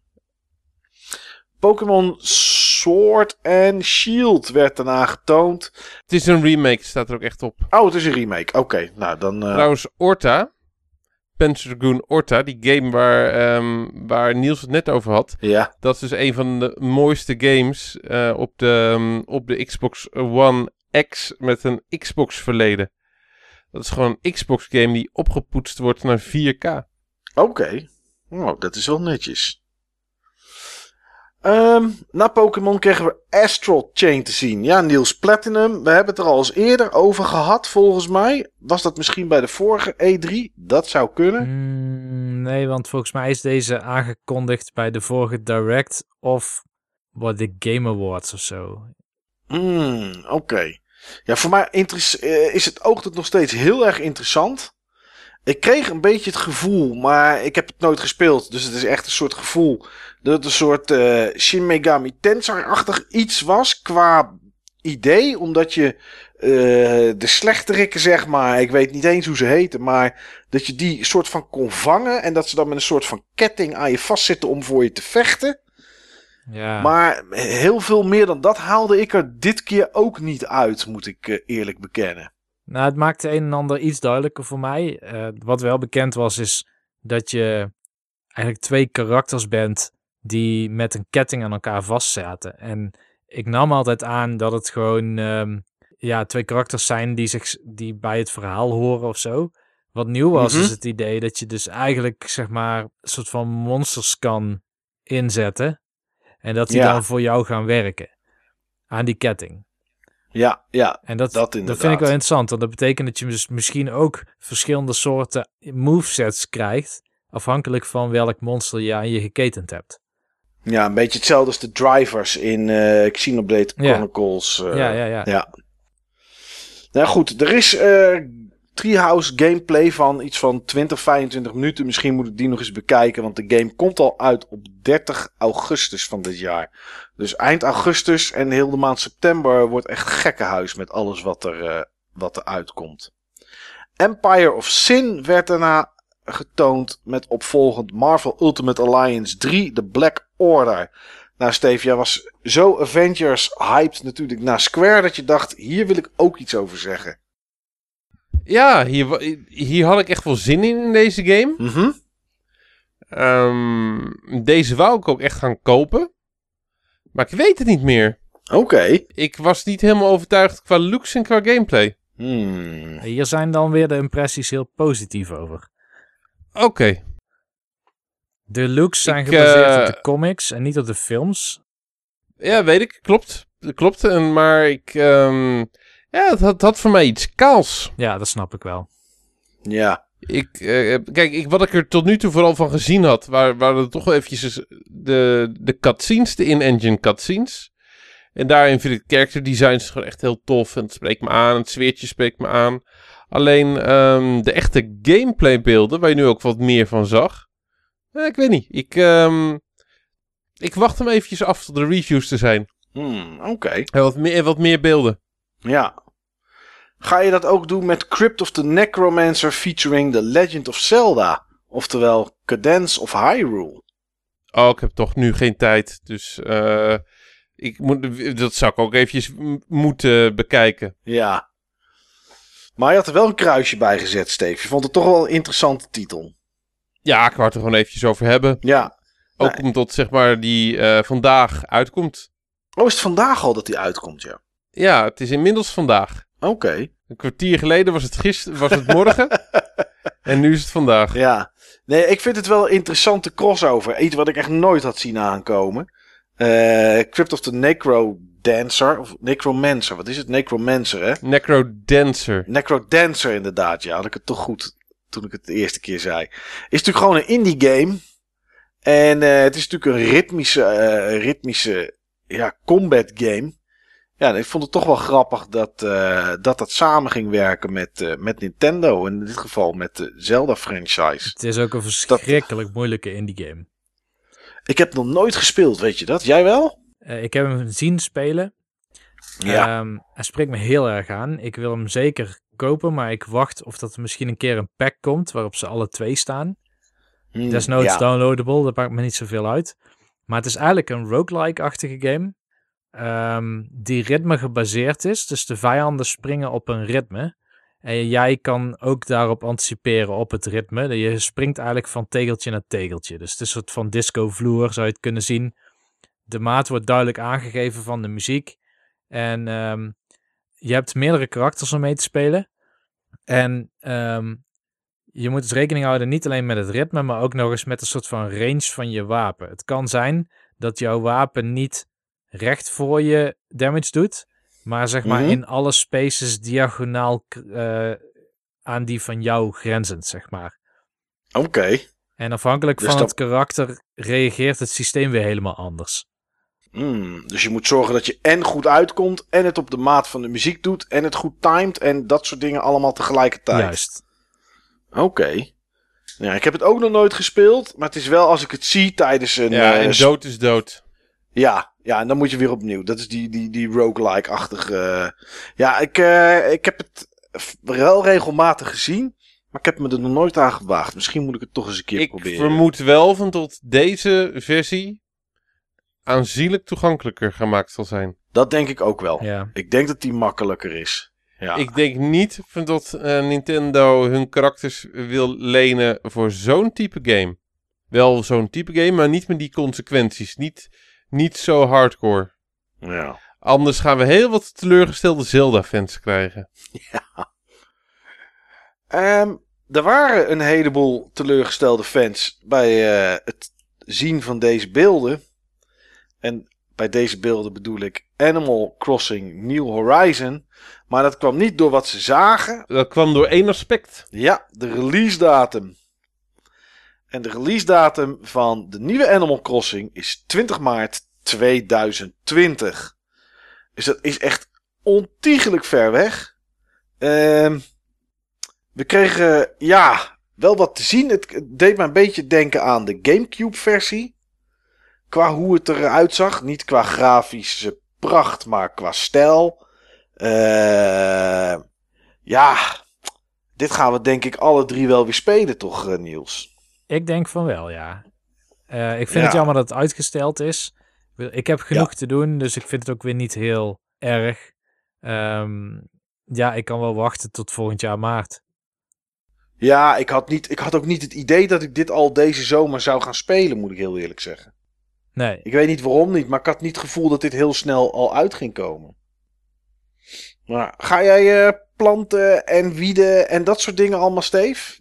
Oh, absoluut. Ja, hè, dat dacht ik wel. Ja, zeker wel. Zeker wel. Kijk, enerzijds, je hebt het allemaal al gezien. Ja. Het is gewoon heel bekend.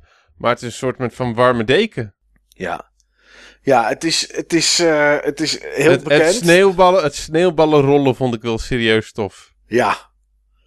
Ja. Weet je dat het ja, ook in en- Okami kan, eh, Steve? Ja, wat heb jij verteld? Ja, ja, even doorspelen. Dan kun je heel lang rollen en je krijgt er niks voor terug. nee, precies. Ja, nee, ja, ik, eh, ik, Hier krijg ik het sneeuwpop in mijn dorp voor terug. ja, ja, ik zag weer allemaal bekende, bekende figuurtjes. Eh, ik zag weer het, eh, nou, je begint met een tent. Ik weet niet, Ik was een beetje teleurgesteld. en dat was.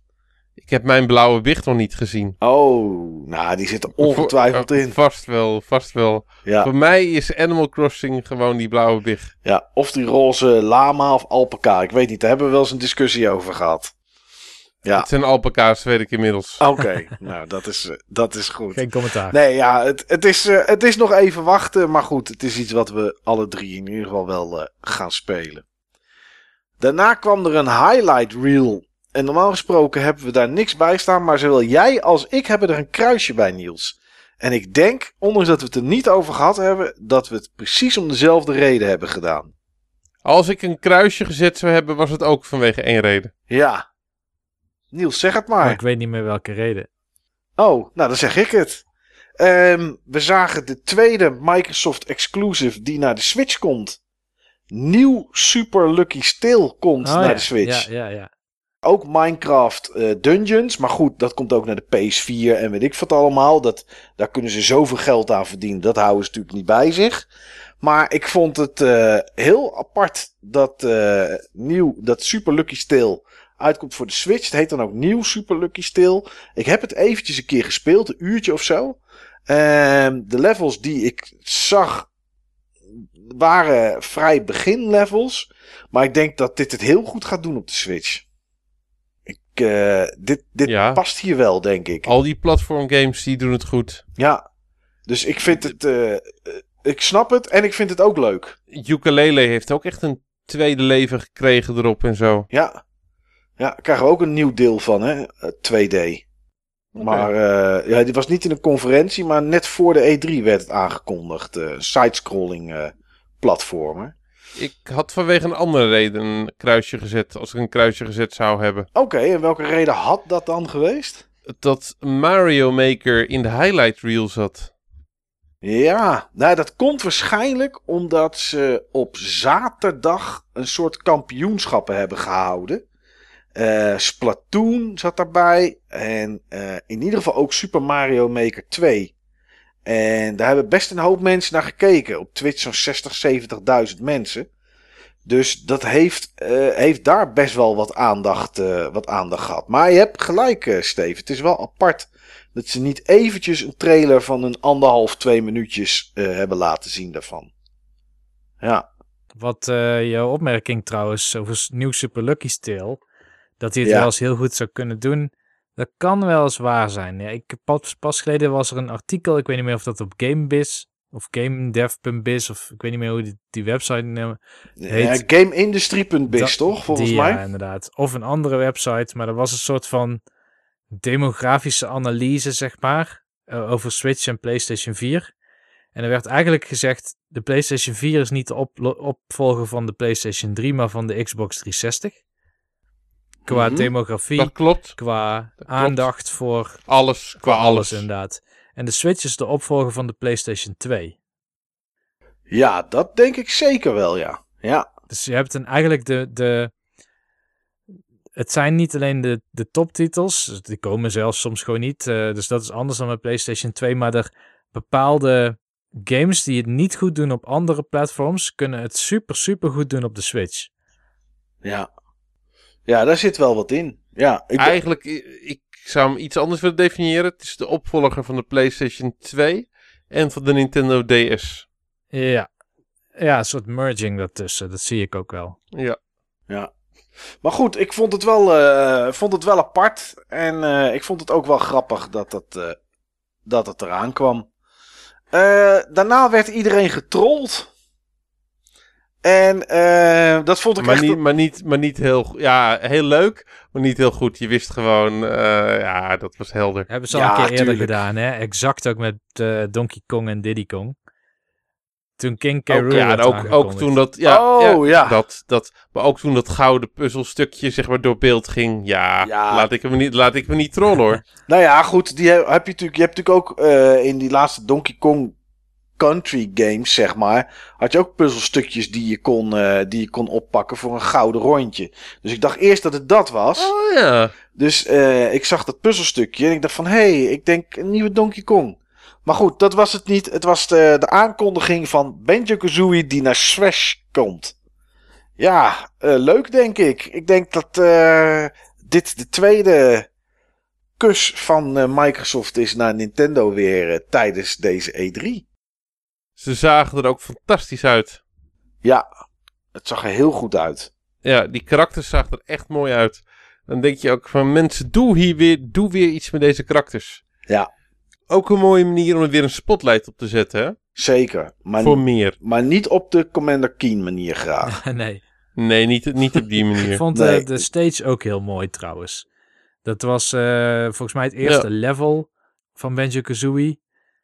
En je zag wel wat meer. Klopt. Je zag Gruntilda volgens mij ook in het level rondvliegen. Het zag heel tof uit. Ja, En die Jinjo's die zeg maar dan je support attack waren.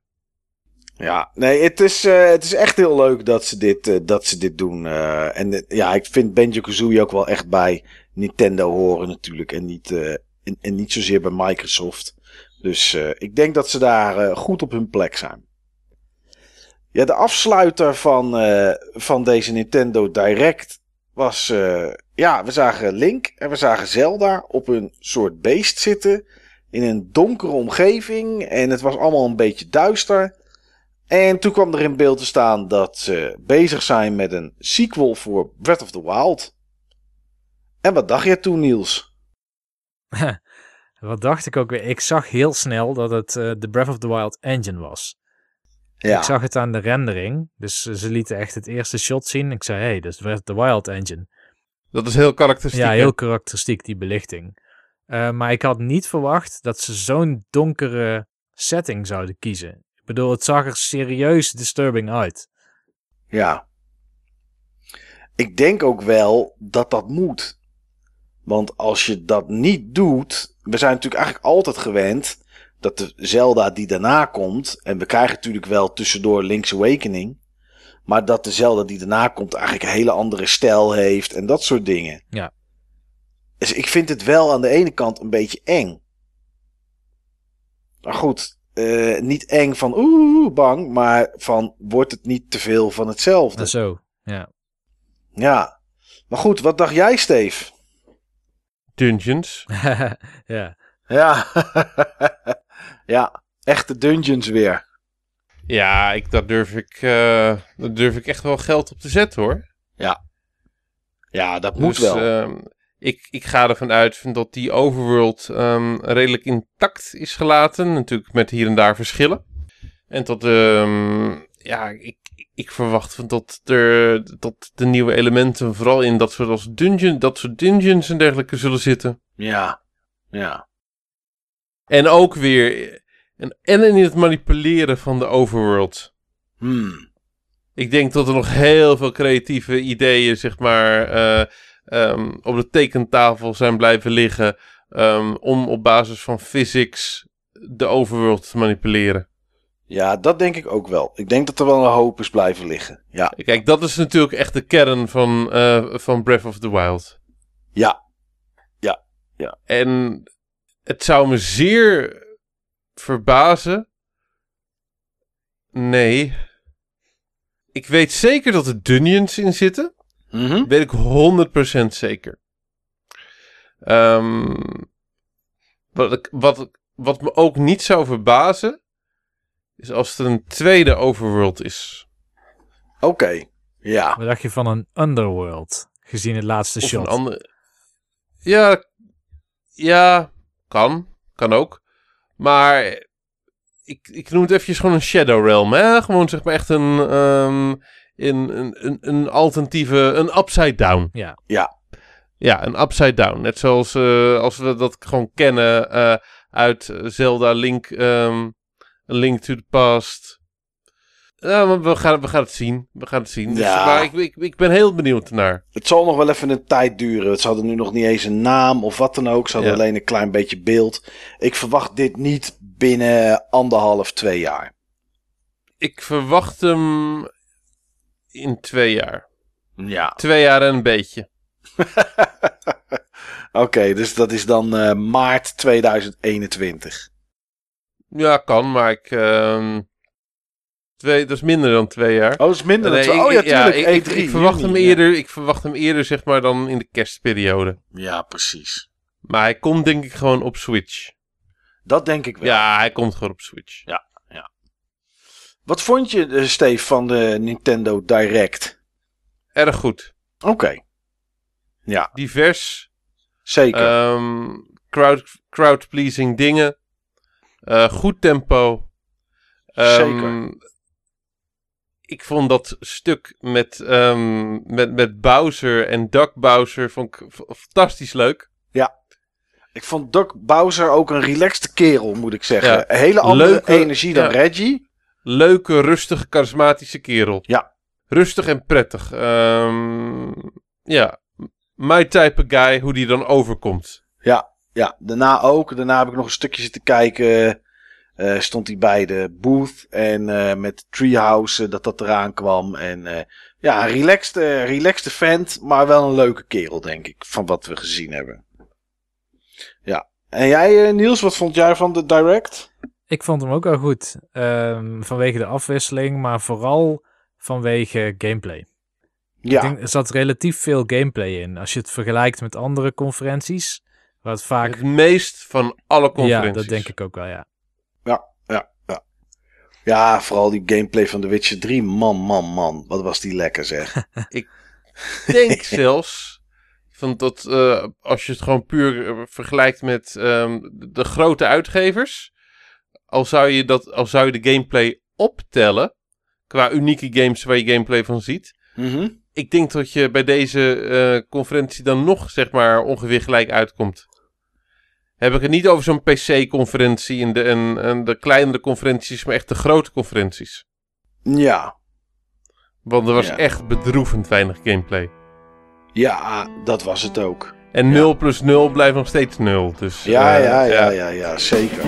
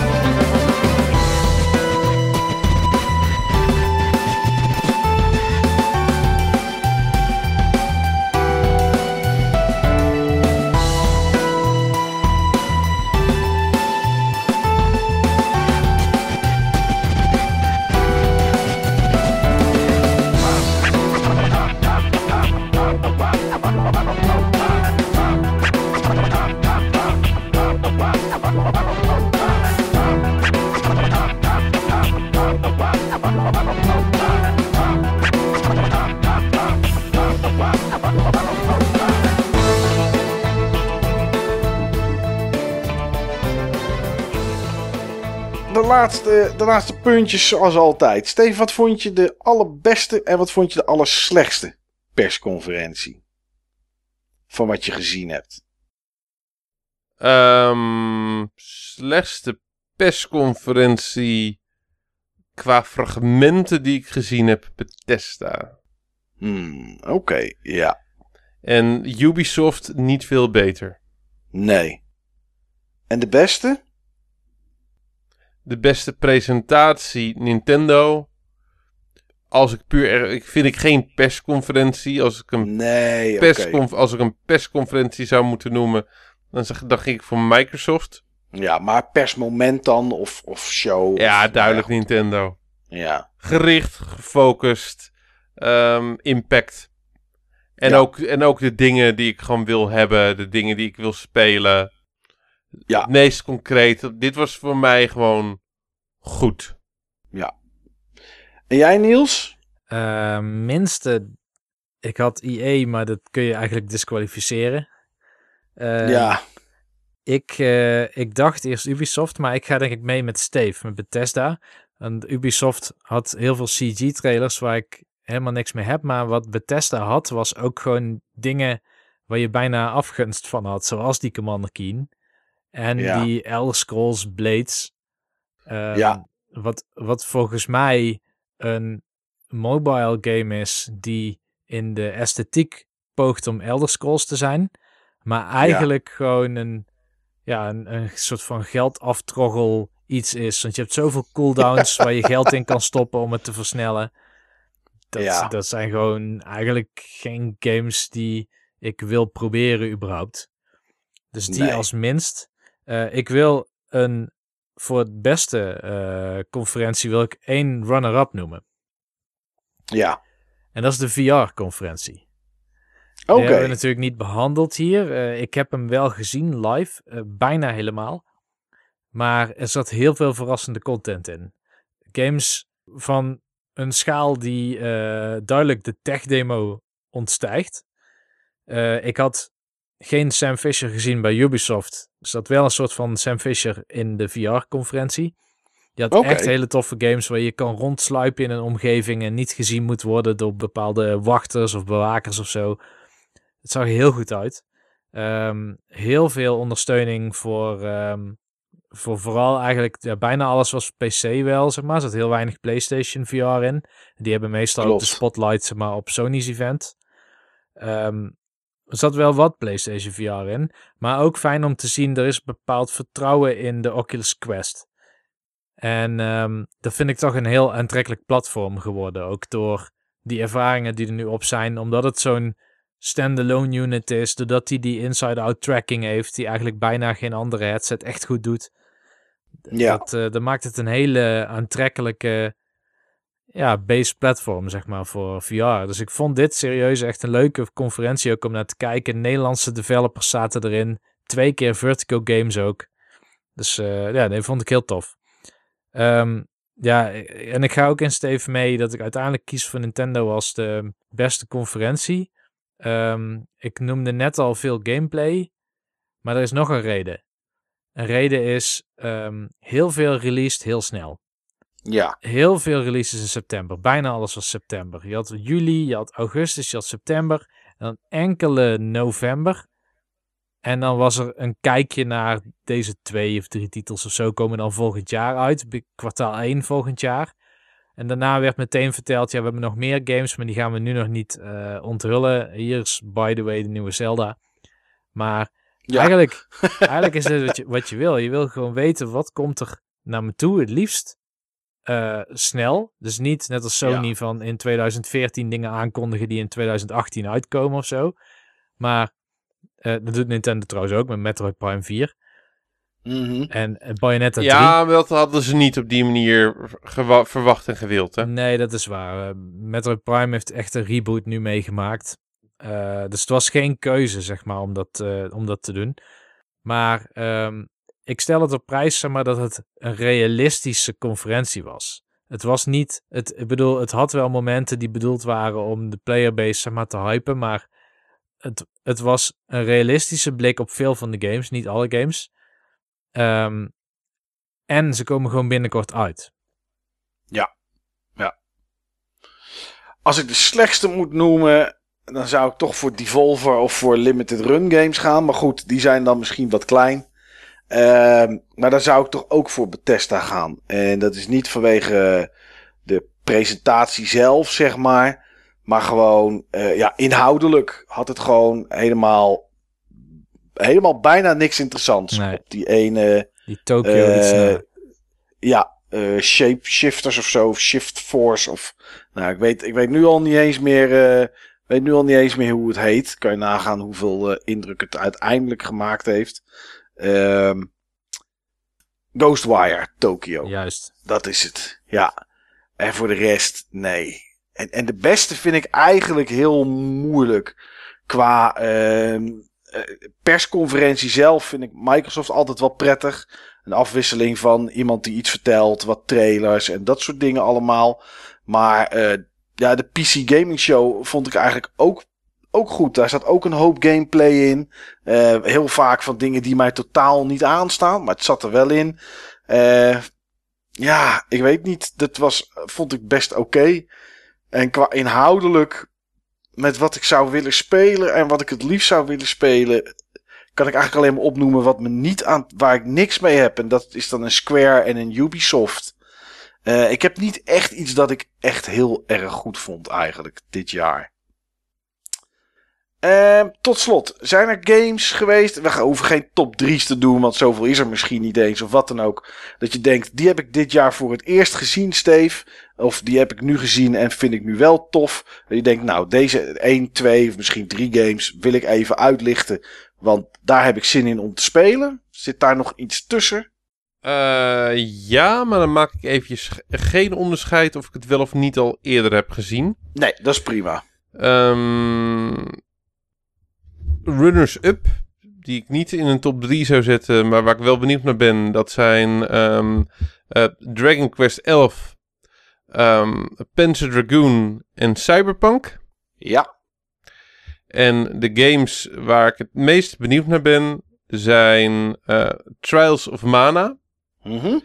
Heb ik net nog eventjes iets, um, iets meer van, uh, van zitten kijken. Een Treehouse presentatie. Ziet er echt goed uit. Ja. Is echt um, ja, gewoon een wereld van verschil met die half-baked Secret of Mana remake. Ja. Het verschil kan gewoon niet groter zijn. Dus nee. uh, dat vind ik echt, echt heel erg tof. Dit is ook een game uh, waarvan ik vroeger ook zeg maar echt serieus heb gebaald dat hij niet uitkwam op de Super Nintendo. Ja. Dus dit is toch een soort met van uh, The One That Got Away voor, voor me. Ondanks met mijn, um, met mijn uh, emulatie um, ervaringen. translation. Ja. ja. Ik heb ook een repro ervan liggen op de Super Nintendo. Maar dan vind ik dit echt wel echt serieus tof om hem dan na al die jaren op die manier te kunnen spelen. Ja. Dus uh, die staat op 3. Op 2 staat Luigi's, Luigi's Mansion. Mm -hmm. Vind ik serieus enorm leuk. Ja. Het spel straalt gewoon zoveel plezier uit. Dus um, die komt er voor de Switch collectie en die gaat ook wel gespeeld worden. Ik heb een beetje Captain Toad gevoel erbij. Ja, Zo, inderdaad. Ja. ja. En um, op één staat een game die ik eerder heb um, gezien. En uh, die ik toen al tof vond. Die ik nu meer heb gezien. Enerzijds vanuit de trailer. En anderzijds vanuit zowel een Treehouse presentatie. Als een Kotaku presentatie.